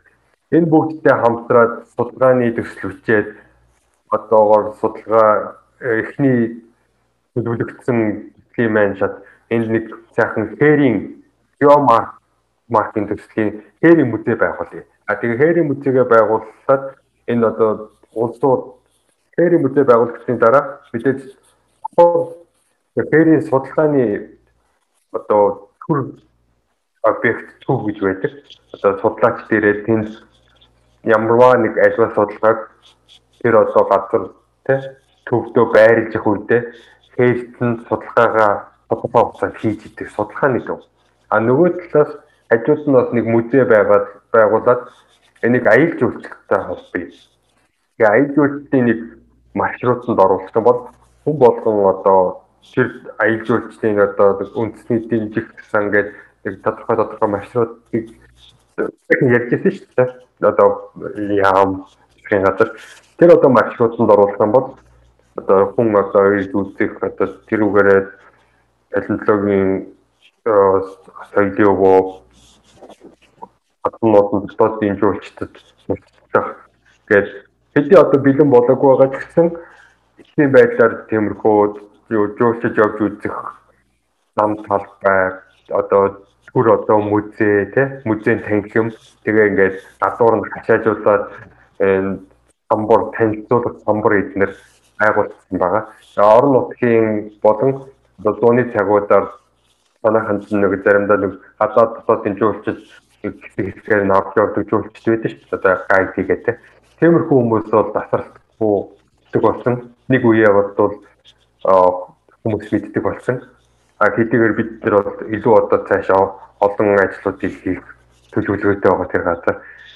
Тэгээд иймэрхүү байдлаар одоо ингээд янз бүрийн байдлаар хамгаалах болон одоо юу хамгаалах ажлуудыг хийгээд явж байгаа. Яг одоо энэ палеонтологийн олдурыг хамгаалах байгууллага, төрийн бас байгууллага гэж юу н байдаг болов? Тий, тий. Түрүү яг хэлсэн бас энэ хүү ажил маань бас нэг төрийн төрийн бас байгууллага байдаг. Палеонтологийн олдурыг хамгаалах нийгэмлэг гэдэг төрийн бас байгууллага 2000 3 оны тэгэхээр 2008 онд байгуулагдсан. Тэгээ би гишүүнээр нь явдаг.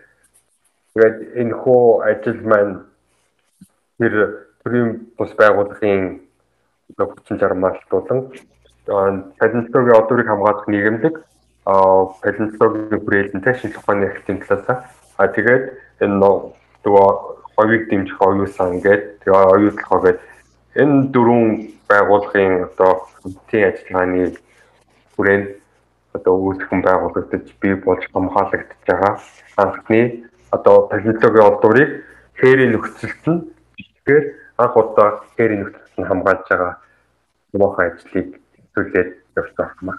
За яг үндсэн гол ажил маань яг 11 оноос энэ ажил маань хийсэн гэж хэлж болно. Анхны хашаажуулалт гэдэг нэг 1206 м ташааг тэр талбайг үлэг рүүлээ бүр хадгалагдсан талбайг тэгээд давхар бас энэ байгууллагынхаа өөр нэг ажлыг хэлэхэд бол энэ палеонтологийн олдурыг хамгаалахаас гадна бид нар бас энэ хүү нийгэмлэгийн хүрээнд одоо тухайн нөө босод энэ хамгаалалттай холбоотой ажилтаа тухайн орон нутгийн хүмүүсийг энэ палеонтологийн шинжлэх ухааны олдврын одоо үнцэн гэхээр одоо яг үнцэн гэхээр манайхаа үнцэн гэхээр л жоох мөнгө бодогдчихсон тэгэхээр тэр засаа биш үнцэн гэдэг нь одоо соёлын өвгийн талаасаа одоо энэ олдвор маань энэ Монголоос одоо Монгол одоо чиний болон таны одоо өвсөж торилсон өссөн төрсэн газар нутгаас олдсон үндэсний одоо баялаг үндэсний өвөө хайрлан хамгаалах одоо Япон юм шүү гэдгийг нь сурталчилан таниулах үүднээс одоо хэрийн нөхцөл тэгэхээр ингэ тэр том аймгийн хэмжээнд орон нутгийн одоо улсуудад энэ талын мэдээллийг мэдлэг боловсруул мэдээлэл өгөх одоо ажлыг бас багтмал хийх. Одоо илүү ингээд арчин шатны судлаа болон сургалт хийх одоо тиймэрхүү ажлуудыг бас авах хийж явдаг. Мэдээж илүү их үр хөгжүүлэх талын одоо ажлуудыг цааш таашаа бодож байгаа. Мэдээж одоо энэ докторийн дараах сургалт судалгааны ажлууд төгсөөд нэлээд цөөрөн болоод ирэхээр хий хэвлүүлж байгаа их олон ажил байна. Ааха. Зөв зөв. Тэгэхээр нөгөө яг тэр хөдөө орон нутагт амьдарч байгаа орон нутгийн иргэд биш те. Магадгүй ингээд хотод байгаа магадгүй гадаадд байгаа эсвэл яг Монгол хүн болгон энэ соёлын өвгийг хадгалахад ч юм уу те ер нь наад захын бид нарын хийж чадах юм нь юу юм бэ? Та энэ тухай хэлж өгөөч. Тийм, наад захын одоо хүн болгоны хийж чадах одоо оюун ухамсартаа байнгын олж явах одоо зүйлсийг хэлхий гэх юм бол тухайн одоо ямарваа нэг юм олох юм бол за энэ бол одоо манай улс орныг төлөөлөх улс үндэстнийг төлөөлөх одоо соёлын өв юм байна гэдэг үүднээс хамгийн түрүүнд бол хайрлан хамгаалж дан ганц одоо олдуур гэлтэхгүй ойр орчин уул ус болон тэг газар нутгийг хамгаалж одоо хөрдүүлэхгүй одоо янз бүрийн олдуур болцсон бол олдуурыг одоо эргэн хүнийхээ Монгол улсын эргэн хүнийхээ үүрэг одоо нэг талаас үүрэг юм да тий одоо хуулиндаа хуулиндаа байдаг Монгол улсын хүний эрхийн хуульд үндэсний үндсэн хуульд байдаг. Үүрэг үүрэг болон ухамсарынхаа өрөөнд тэрхүү олдуурыг мэрэгжлийнх нь байгууллагын судлаач болдог биднэрт холбогддог. Мэдээж магадгүй хээр хөдөө байгаа ус боломжгүй маа гэхэд ядаж аймгийн хүмүүс соёлын байдлаар ч байгаа тийм үү? Хэрээр явдаг соёлын байдлаар тиймэрхүү улсууд мэрэгжлийнх нь холбогдолтой улсуудад онгож хандаад одоо одоорыг аюулгүйжүүлэх одоо олдвор дээр нь яг олдсон олдворт газраас нь одоо цуглуулж олборлож мэрэгчлийн арга барилаар олж авах бол байдаг. А хэрэгтэй яг олон тохиолдол байдаг л да. Яг тэр хүмүүс маань мэдээж санаатаагаар биш санамсаргүйгээр хийцэн бидээ сонирн байгаад хэдий ингээд сайхан хайрлаад хамгаалаад юм өмнөд хийгээд авчирсан байсан ч гэсэн нөгөөдх одоо олсон юм салгаа тавиад ирдэг. Дээрээс нь эсвэл ухаа тавиад ирдэг. Тэр нь болохоор маш өтөр дутагдaltaй болчихж байгаа. Тиймэрхүү юмнуудыг яг хайрын нөхцөл тухайн олдвор хаанаас ямар хурдтаас олдсон байна, ямар юу маягаар олдсон байна гэдэг яг олдврыг эцсийн байдлаар малтаж судалгаа руу шилжүүлэхийн өмнө хээрийн нөхцөлд олж авах өмнө нь олж авах мэдээлэл их байдаг. А зөвхөн нэг дан одоо олдвор за би энийг оллоо тэгээд танад өгөх юм а энэ одоо үлдэх гөрүүл юм шиг байна. Та нарт хэрэгтэй баг гэж нөгөө тэр одоо зэнтэй яг шинжлэх ухааны үүднээсээ бол тэр үн цэг болч тээ. Одоо үндсэндээ одоо шинжлэх ухааны нэг судалгаа тэг А цэгээс Б цэг хүртэл хийгддэг байлаа гэж бодъё л да тий. А нь одоо долдуур болоод Б нь болохоор эцсийн байдлаар судалгаа нь дуусах. Тэгэхэд тэр хээрийн мэдээлэл болгон хээрээс одоо тухайн олдортой холбоотой мэдээлэл авах хувь үндсэндээ 50% нэгтэй. Хэрвээ тэр мэдээлэл тэр өмнөх 50% мэдээлэл байхгүй бол эцсийн үлдэх 50%-ийн судалгаа хийх ямар ч боломжгүй. Одоо бид нэр одоо жоохон өөрөөр ярих юм бол тэр олдурыг судлаа судлаа судалгаа хийлдэг гэж тийм. Тэр тэндээс олдсон юм аа. Тим настай гэж хийх одоо ирэхгүй л. Тэгэхээр одоо тиймэрхүү мэдээллийг бол тэр хээрийн нөхцөлд нь авдаг болохоор альва одоо олдурыг бол хамгийн нэг төрөнд бол хэрэгцээ олсон бол аль болох хүрхгүй байх. За хүрнэ гэж бодоход ухаж одоо түүхэж эвдэхгүй байх. Мэдээ зарим олдур маань хүүхдийн дулаан шиг хэврэг байдаг. Хүрвүү үгүй үүрээ дундаг тийм ээ хэдэн сая жил газрын хөрсөнд хадгалагдаж хадгалагдаж янз бүрийн эрдэс ус одоо олон юм одоо үзэж үзэж газрын гадаргад дээр гарч ирээд наранд шаргадаад гэх байх үед зарим юмнууд бол их хэврэг болсон байдаг. А тэрийг харин мэрэгжлийн хүмүүс мэдхийн тулд ямар нэгэн байдлаар мал төсөлийн шорооноос хамгаалах үүдээс мал дээрээс дээгүүр нь гараад гүйчихгүй. Эсвэл хүн амьтаа олоод одоо дахиад нэг өөр нөхөр олоод очихгүй учраас жоохон хамгаалт хийгээд за тийм тэр болгоно нь бол Монгол хүний одоо иргэн бүрийн хийж чадах хамгийн хамгийн гэхдээ маш чухал үүрэг гэж байна. Аа. Тэгэхээр манайхан хэрвээ хөдөө гадаа аялал зугааллагаар явж агаад иймэрхүү алдуур олох юм бол ерөөсө хурж болохгүй нэ шүү. Ухаж болохгүй нэ.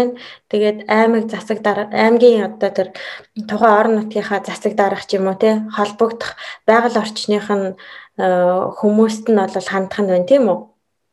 Тэгээд нэмэт асуухад хэрвээ жишээлбэл би одоо ингээд хөдөө явж байгаад зүгээр аяллаар явж байгаад би ингээд олдур олдлоо, оллоо. Тэгээд за аймаг за аймгийн засаг дарах ч юм уу те байгаль орчны инженер ч юм уу байгаль хамгаалагчид нь мэдээлээ гэхэд буцаагаад энийг олсон хүнд нь ямар нэгэн урамшуулал ч юм уу те эсвэл тэр хүний одоо одоо тэр одоо энэ хүнийг ер нь нөгөө урамшуулах ийм э, юу байдаг юм уу ийм систем ч юм уу те? Ямар нэг иймэрхүү юм байдаг уу? Тий яг түрүү яг би юм юм хэлдэг очоод э, юу хүмүүс э, хэлж их яг наад талын асуулт гэж бодож байлаа тий хэрэгцээ тий. Хэрэг иргэн хүн үүргээ биелүүлээд үүргээ ухамсарлаад түрүүний хэлсэн яг ном журмын дагуу одоо мэрэгжлийн газар нь мэдэгдээд тэрийг нь мэрэгжлийн уусууд ирж судлаад судалгаа нь яв хийгдээд яхад тухайн одоо иргэнийг урамжуулах тиймэрхүү арга механизм байдаг хэлбэр байдаг.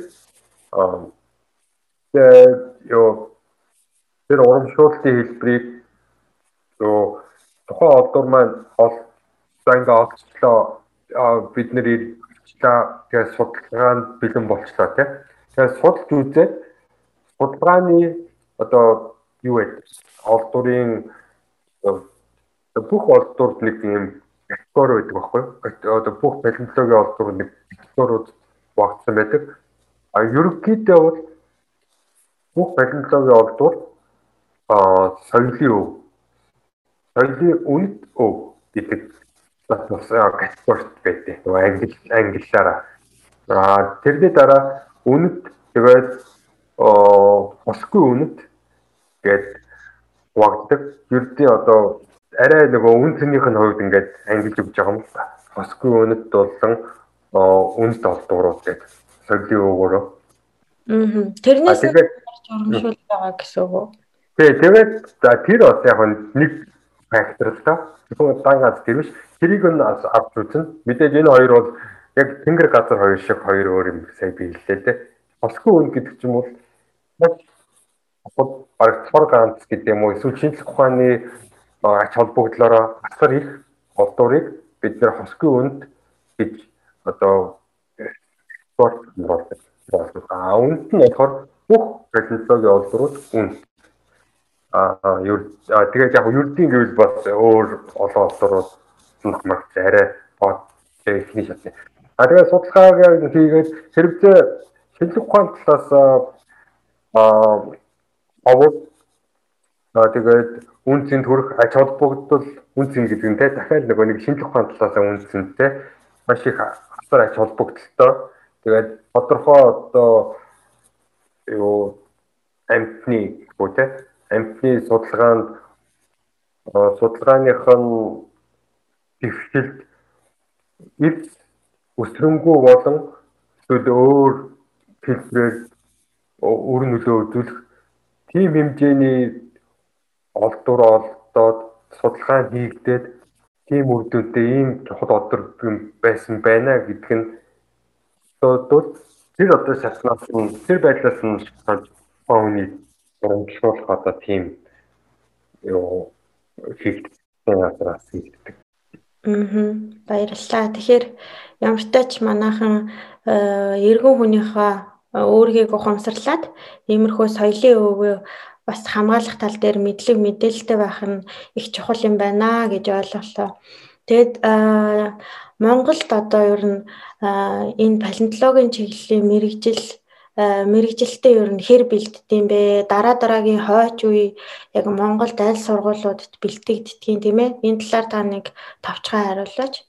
Тий. Би дөрөв нөгөө нэг ярилцлагын өмнө хэлсэн одоо нэг 40 гаруй тий 40 орчим палеонтологч өөр өөрийн чиглэл чиглэлийнхаа дагуу судалгаа хийгээд явж байгаа. А зарим нь бас оюутнууд байгаа. Оюутан судлаачид тэгээд энэ хүү палеонтологийн мэрэгчлэлээр яг ингээ палеонтологч мэрэгчлэлтэй болёо гэд сургууль ороод очоод энэ мэрэгчлэлтэй болно гэж сурдаг тийм их сургууль яг дэлхийн хэмжээнд байдгүй. Яг голдуу нөгөө палеонтологч маань айлч орны палеонтологч нэг бол бакалавр тэ бакалаврын үед биолог юм уу эсвэл биологийн суурьтай хүн байж. А палеонтологч гэхээр тухайн энэ хоёр одоо суурь суурь ухааны илүү нарийн нарийн сагсан одоо хэлбэр гэж ойлгох юм уу? Илүү мэрэгчсэн. Тэгээд а бид нар бол харин геолог болон геологоор их сургуулиудад сурж болно те. А тэгээд тухайн сургуульд сураад геологоор суурь судалгаагаа суурьаа бол яг эхний 2 жил 3 жил аваад 3 дахь жилээсээ жоохон нарийс нарийсдаг. А аль ч одоо оронд усад яг энэ хэлбэрээр явдаг. Тэгээд ихэнх одоо палеонтологчууд нэг бол геолог суурьтай палеонтологч илүү одоо газар шороо хурц сурах талаа сайн мэднэ тийм үү. А биологч мэрэгчлээ биолог биологч суурьтай палеонтологч нь илүү тэр хурц суримтлал дотор хадгалагдаж байгаа амьтныхаа анатом морфологийг сайн мэддэг. Амьтныхаа одоо яс хэлбэрийг мэддэг. Тэгээд мэдээж энэ палеонтолог маань биолог гэдэг мэрэгчлэлтэй саншгүй холбоотой байдаг. А тэр нэг хурцын бол юу геологч нар судлаад насын тогтоогоо явуулна. А хурц дотор байгаа амьтан ургам бол үр тоосонцор бактери нөгөө биологч суурьтай амьтны илүү амьтан нэлээ мэддэг. Угаас суурьтайнууд нь судлаа явуулдаг. А мэдээж хоёр төгтөнгийн одоо сайн мэдчихсэн судлаач толгон байдаг.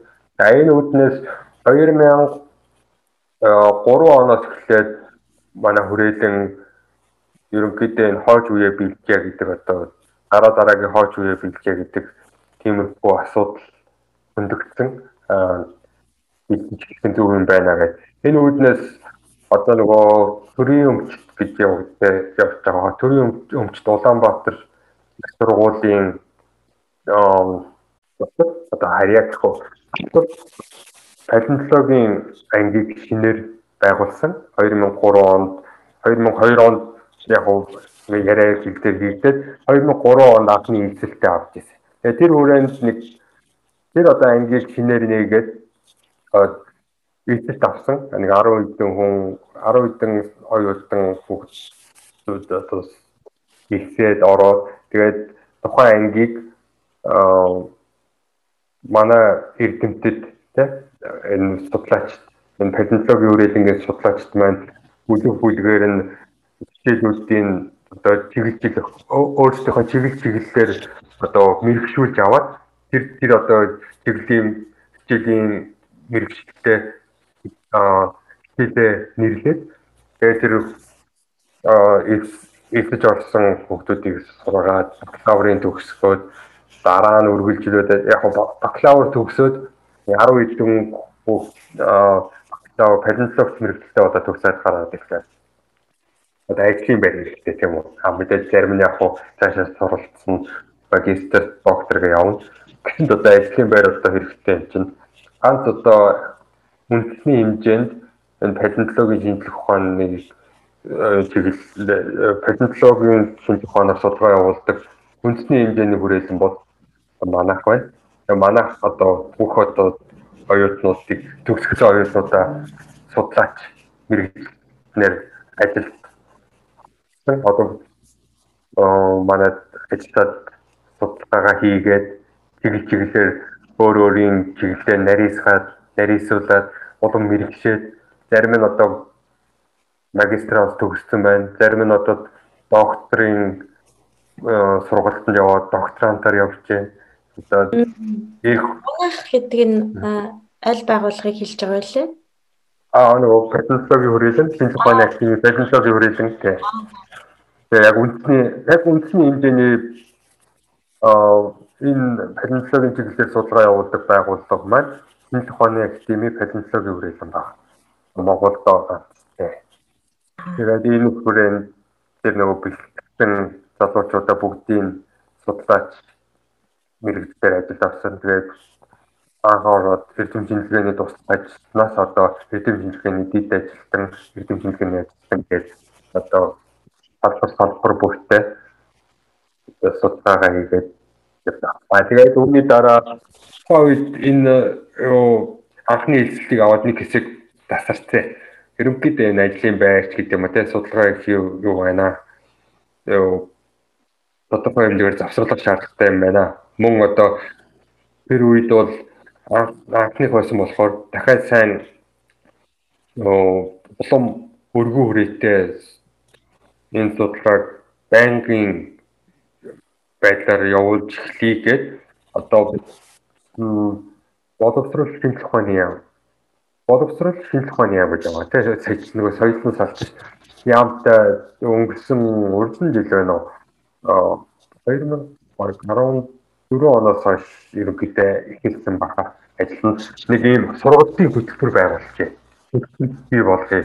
Одоо гол одоо суурийн манай хүрээлэнгийн эрдэмтэд гаргаад одоо ийм одоо палеонтологийн чиглэлээр хүн сурахад ийм ийм одоо сургалтын хөтөлбөрт сургалтын хөтөлбөрт нь ийм ийм юм орсон байх хэвээр. Тэгжиж одоо энэ хүн маань бүрэн төгс За ядаж палеонтологийн суурьтай гэдэг юм те хүн болж цаашаа бие дааж одоо энэ судалгааг явуулах үндэсний палеонтологийн мэрэгжлийн биелэх одоо шаардлага хангагдана гэсэн үгнээс тийм хөтөлбөр зохион байгуулаад зохиогоод одоо хийгээд тэгээд энэ хөтөлбөр хийх асуудал жоохон ажилтаад байдаг юм шиг байлаа. Би яг ажлын хэсэгт нь орж ажиллаагүй л дээ. Манай өөр доктород ажилласан. Тэр үед би докторант хийхдээ явж байсан баг. Тэр үед яг л Японд бол юм аяг явж.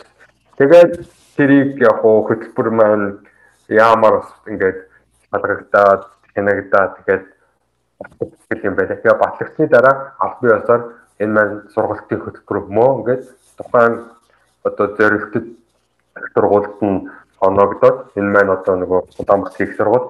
Тэгээд энэ хүү сургууль маань дахиад энэ жил түрүү жил энэ 9 те 2002 оны 9 сард хэрвээ ковид айгүй байсан бол тэгчтэй юу яагаад дахин одоо нөгөө сургуульда шинээр арай нэг жоохон илүү хэмжсэн байдлаар хөтөлбөртэй болоод тэгээ дахиад тавигдаад эсэлтэй аваад хийгдэж байгаа. Тэгээ үндэсний хэмжээний палеонтологичийг бэлдэх одоо албан ёсны сургууль маань одоогоор Улаанбаатар их сургуульд манай эрдэмтд болон биднээр одоо суурь хичээлүүдэд таалахад эмхүү үйл байгаа. Аа. За энэ чиглэлээр одоо магадгүй таны яриаг сонсоод юм уу эсвэл ер нь яг энэ динозаврын тухай одоо нөгөө хүүхэлдэйн кино минь үзээрагаад энэ хүсэл сонирхлоороо явах гэж байгаа магадгүй энэ мэрэгчлэр сонгож суралцах гэж байгаа одоо тийм оюутан эсвэл тийм залуус байвал та юу гэж хэлэх вэ? Яг энэ судлаачийн зүгээсээ. Яа хамгийн түрүүнд энэ хүү тэмцэх ухаан палеонтологч болохоо тий палеонтологч болно гэж тэгээд бодож явдаг хүүхэд залуучууд хандаж хэлэхэд бол хэрэгцээ тийм одоо багасаа болон багасаа тийм хүсэл сонирхолтой зоригтой тэмүүлэлтэй бол хамгийн чухал юм чинь юм бол өсөлт одоо тэмүүлэлтэй битгий гээгээрээ тэр чинь бол их маш том сургам сургал болт юм байлаа. Аа дараа дараагийн одоо мэдж авах мэдлэгт нэмэр болох зүйл бол мэдээж юмыг бол өөрөө хичээнгүүлнээс ороод тэр хүн тэр хүүхэд өөрийн тэр нөгөө багын бүр одоо төрөлхийн гэдэг юм уу те одоо хүсэл тэмүүлэлтэй байгаа цаг доор бол тэр хүн бол юу одоо сурж юмыг одоо ном зохиолыг эргүүлээд үзээд судлаад улам гүнзгийр нь үзэх одоо потенциалтай болцдог. А тэгээд хэрэгцээ нэгэд одоо энэ одоо том хайдын тогоо гэж ярил л та тий. Орсон л бол бити одоо эргэж буцаж одоо яаж байгаараа одоо хоёр дахь гэх юм уу тий.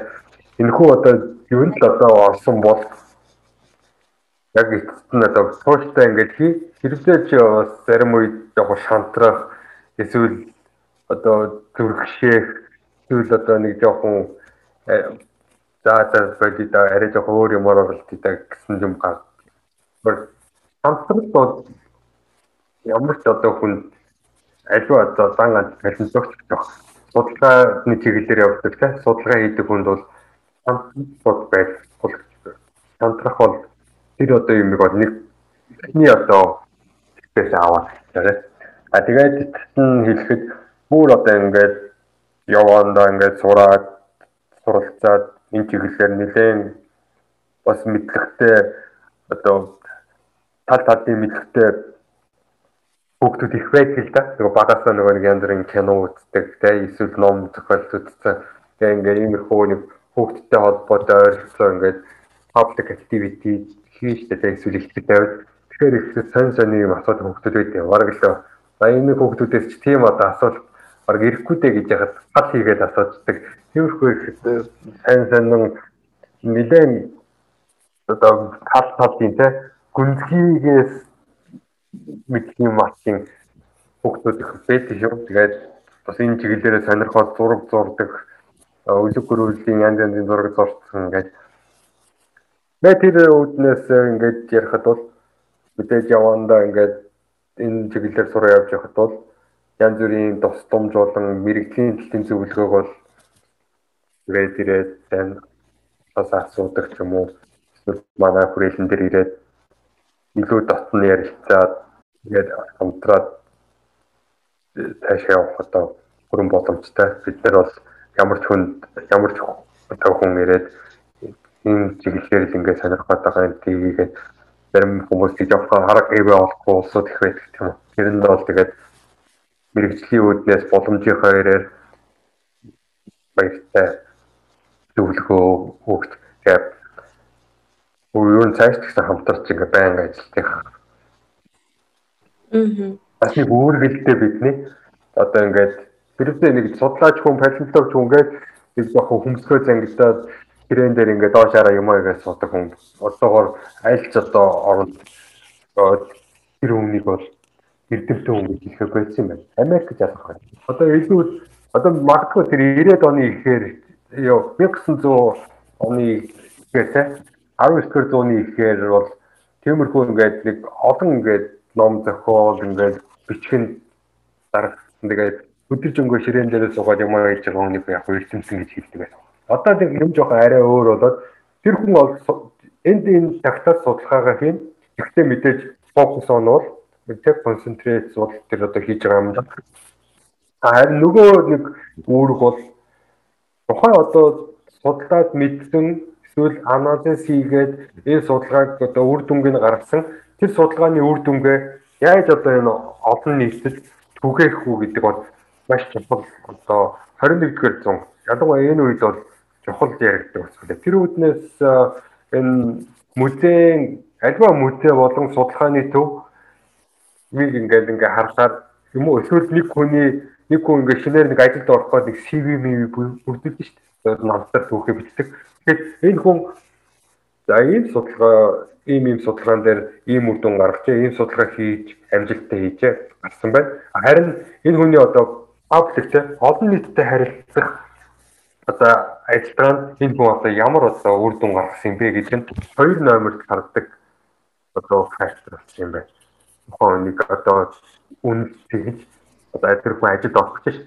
Хэрвээ нэг тийм public activity олон нийтэд одоо сурталчлах эсвэл мэдлэг түгээх тийм ажил нэг хамрагдааг бол тэр хүн бол нөгөө нэг хажууд байгаа ганц нэг тиймэрхүү үйл ажиллагаа хийсэн эсвэл одоо тиймэрхүү тиймэрхүү үйл ажиллагааг зохион байгуулалт нь оролцсон тэр хүнээс нэг нэг шат доогуур одоо үнэлдэг тал байна. Тэр үеийн тийм үднээс э, тэр талын одоо байдлыг нэлээд үздэг болсон энэ энэ зуунд. Тэгээд илүү өөр өөрөө мэдсэн мэдлэгээ яаж олон нийтэд түгээх вэ? Яг гоо түгээх хэлбэр нь олон янз байж болно те. Амаараа яриад илтгэл тавьж болно. Тэр окей. Аа мөн одоо үзмэрийг дэглээд мүзээд дэглээд хүмүүст үзүүлж болно. Музей ажилтан бас нэг хэлбэрийн public activity, public тэгээд тиймэрхүү олон байдлаар мм хатсаа хийж байна. Тэгээд паспортоо жоохон хөндөрөө явсан. Аа зүгээр зүгээр.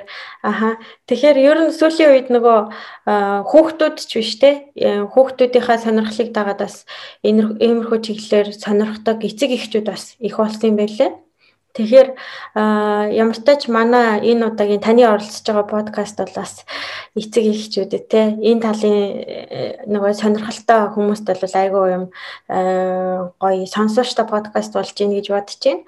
Ямар ч тач ихсэн одоо энд миний нэг одоо энд таны яриаг сонсоод бодож байгаа нэг зүйл нь гэвэл бид нөгөө 10 жилийн хүүхдүүд те баг сургуульд магадгүй цэцэрлэгч гэсэндээ яг энэ мэдлэг мэдээллийг наад захын хүн болол одоо жишээ нь би өдийг хүртэл одоо ингээд сурж явж ирчээд жишээлх юм бол би палеонтологийн олдур болох юм бол би одоо яах ёстойгоо бол өдийг хүртэл бас мэдэхгүй л байсан байна л та. Тэгэхээр ер нь энэ талын мэдлэг мэдээлэл бол биднэрт бас бага өгөгддөг юм болоо боловсролын системдээ бид хэд бас яах ёстой тухайга ер нь нийтэд энэ мэдээлэл их бага байдгийн болоо гэж бодогдлоо.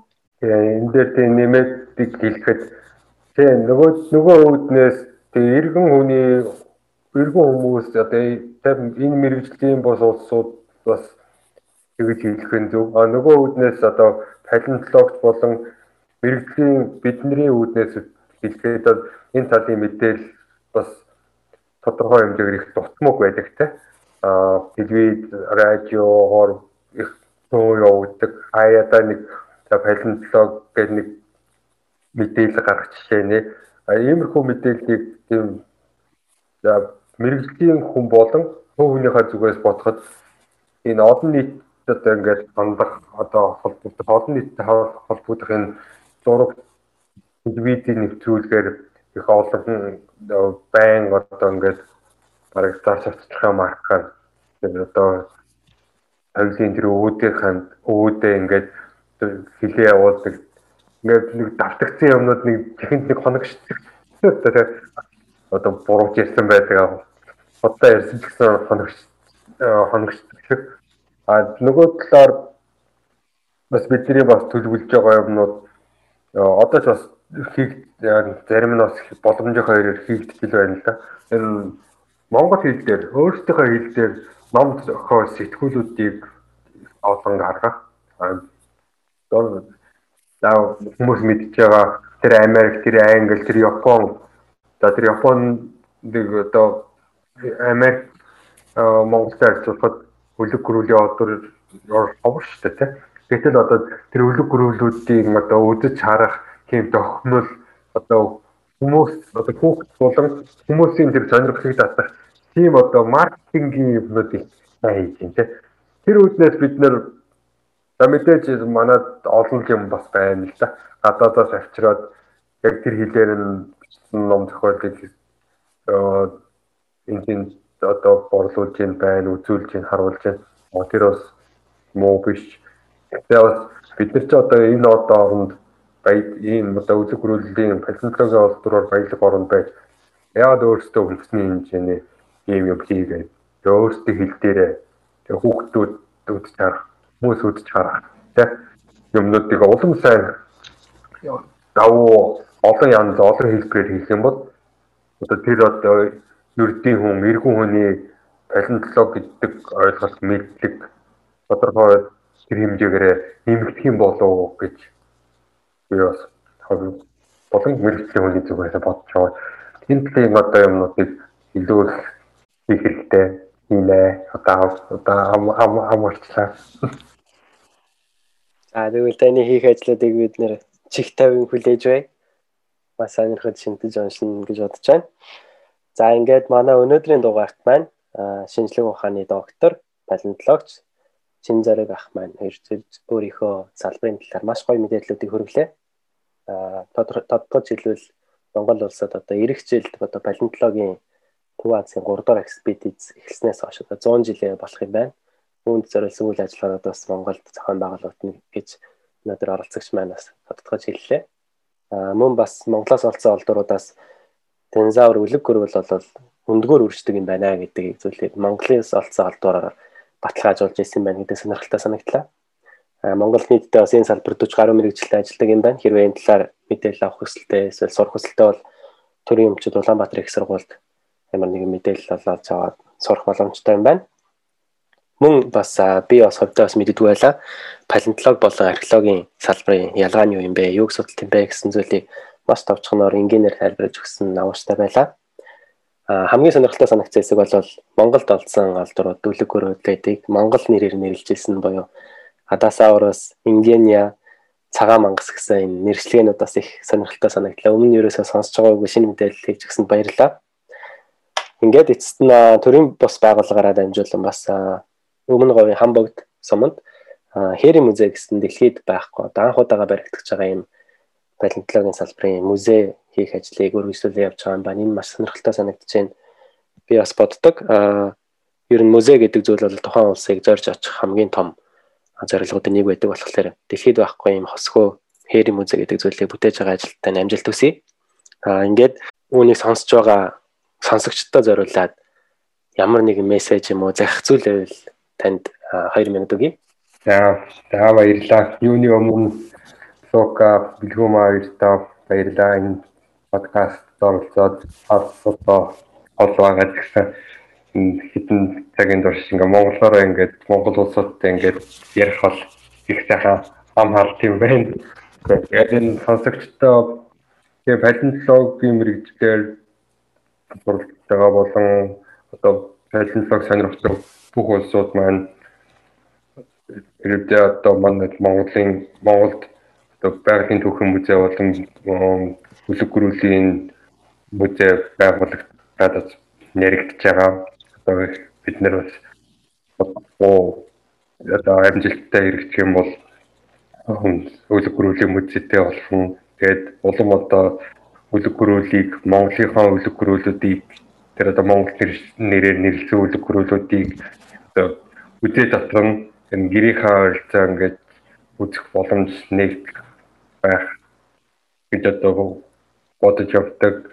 А мөн энэ нийт сонсогч болон хүүхдүүд залуу дүүнэртэй хандж хэлээд бол нийт хэрэгтэй хандж палеонтологийн одоо альва олдврыг хамгааж байгаа нь хамгаалаад одоо мэрэгжлийн улсад дамжуулаад хэл бүрэгдэж байгаа нь таны бас Монгол хүн тэ Монгол нутагтаа байгаа одоо иргэн хүнийхээ үргийг гүйцэтгэж байгаа одоо хамгийн хийж чадах одоо онц үнэлгээ авахд чинь нэг юм шүү. Тэгээд та бүхэн ч гэсэн палеонтологийн Монголын палеонтологийн шинжилгээ ухааны хөгжүүлэх одоо хувь нэмэрт бие сэтгэлгээ болон өөрийн одоо үүргээ хомсолтойгоор соёлын үеийн тухай хуулинд заагдсан дагуу хэрэгжүүлж бидэнтэй хамтарч ажиллах гэдэг найз байна. Баярлалаа. А ингээд манай чин зөрг ахын мэн дугаар ингээ өндөрлөе гэж бодож байна. Өнөөдөр бидний урилгыг хүлээж авч маш сонирхолтой ярилцлага өрнүүлсэн танд маш их баярлалаа. Таны цаашдын судалгааны ажил, нийгмийн ажил, төрийн бус байгууллагын ажил, сургалтын ажил, хээрийн музей байгуулах байгаа ажил тань бүгдэнд нь маш том амжилт хүсье. Аа маш их баярлалаа. Ингээд захан нэвтрүүлэг байлаа. Хоёрт гэсэн маш их баярлалаа. Билгүү Лука. Хоёрт гэсэн ажлын амжилт хүсье. Энэ судалгаанд амжилт хүсье. Одоо магадгүй их завгүй үед үргэлжилж байгаа гэж бодож байна. Одоо хоёулаа төгс. Яагаад ноттой. Диссертац бичих одоо хөдөд нэлээд одоо тэнцүүг өмшгаад шатаа өмшгаас очдаг үе надад санагдаж байна. Хэдий сайхан хэдэн жилийн өмнө доктор хамгаалсан ч гэсэн нойргүй нойргүй онохгүй юу их байгаа тийм ээ. Баярлалаа хичээнэ. Баярлалаа. Таны ажилд маа амжилт хүсье. Мэдээ түгээ докторант подкастын 9 дугаар дугаар ингээд өндөрлөж байна. Бидэнтэй хамт байсан та бүхэндээ баярлалаа.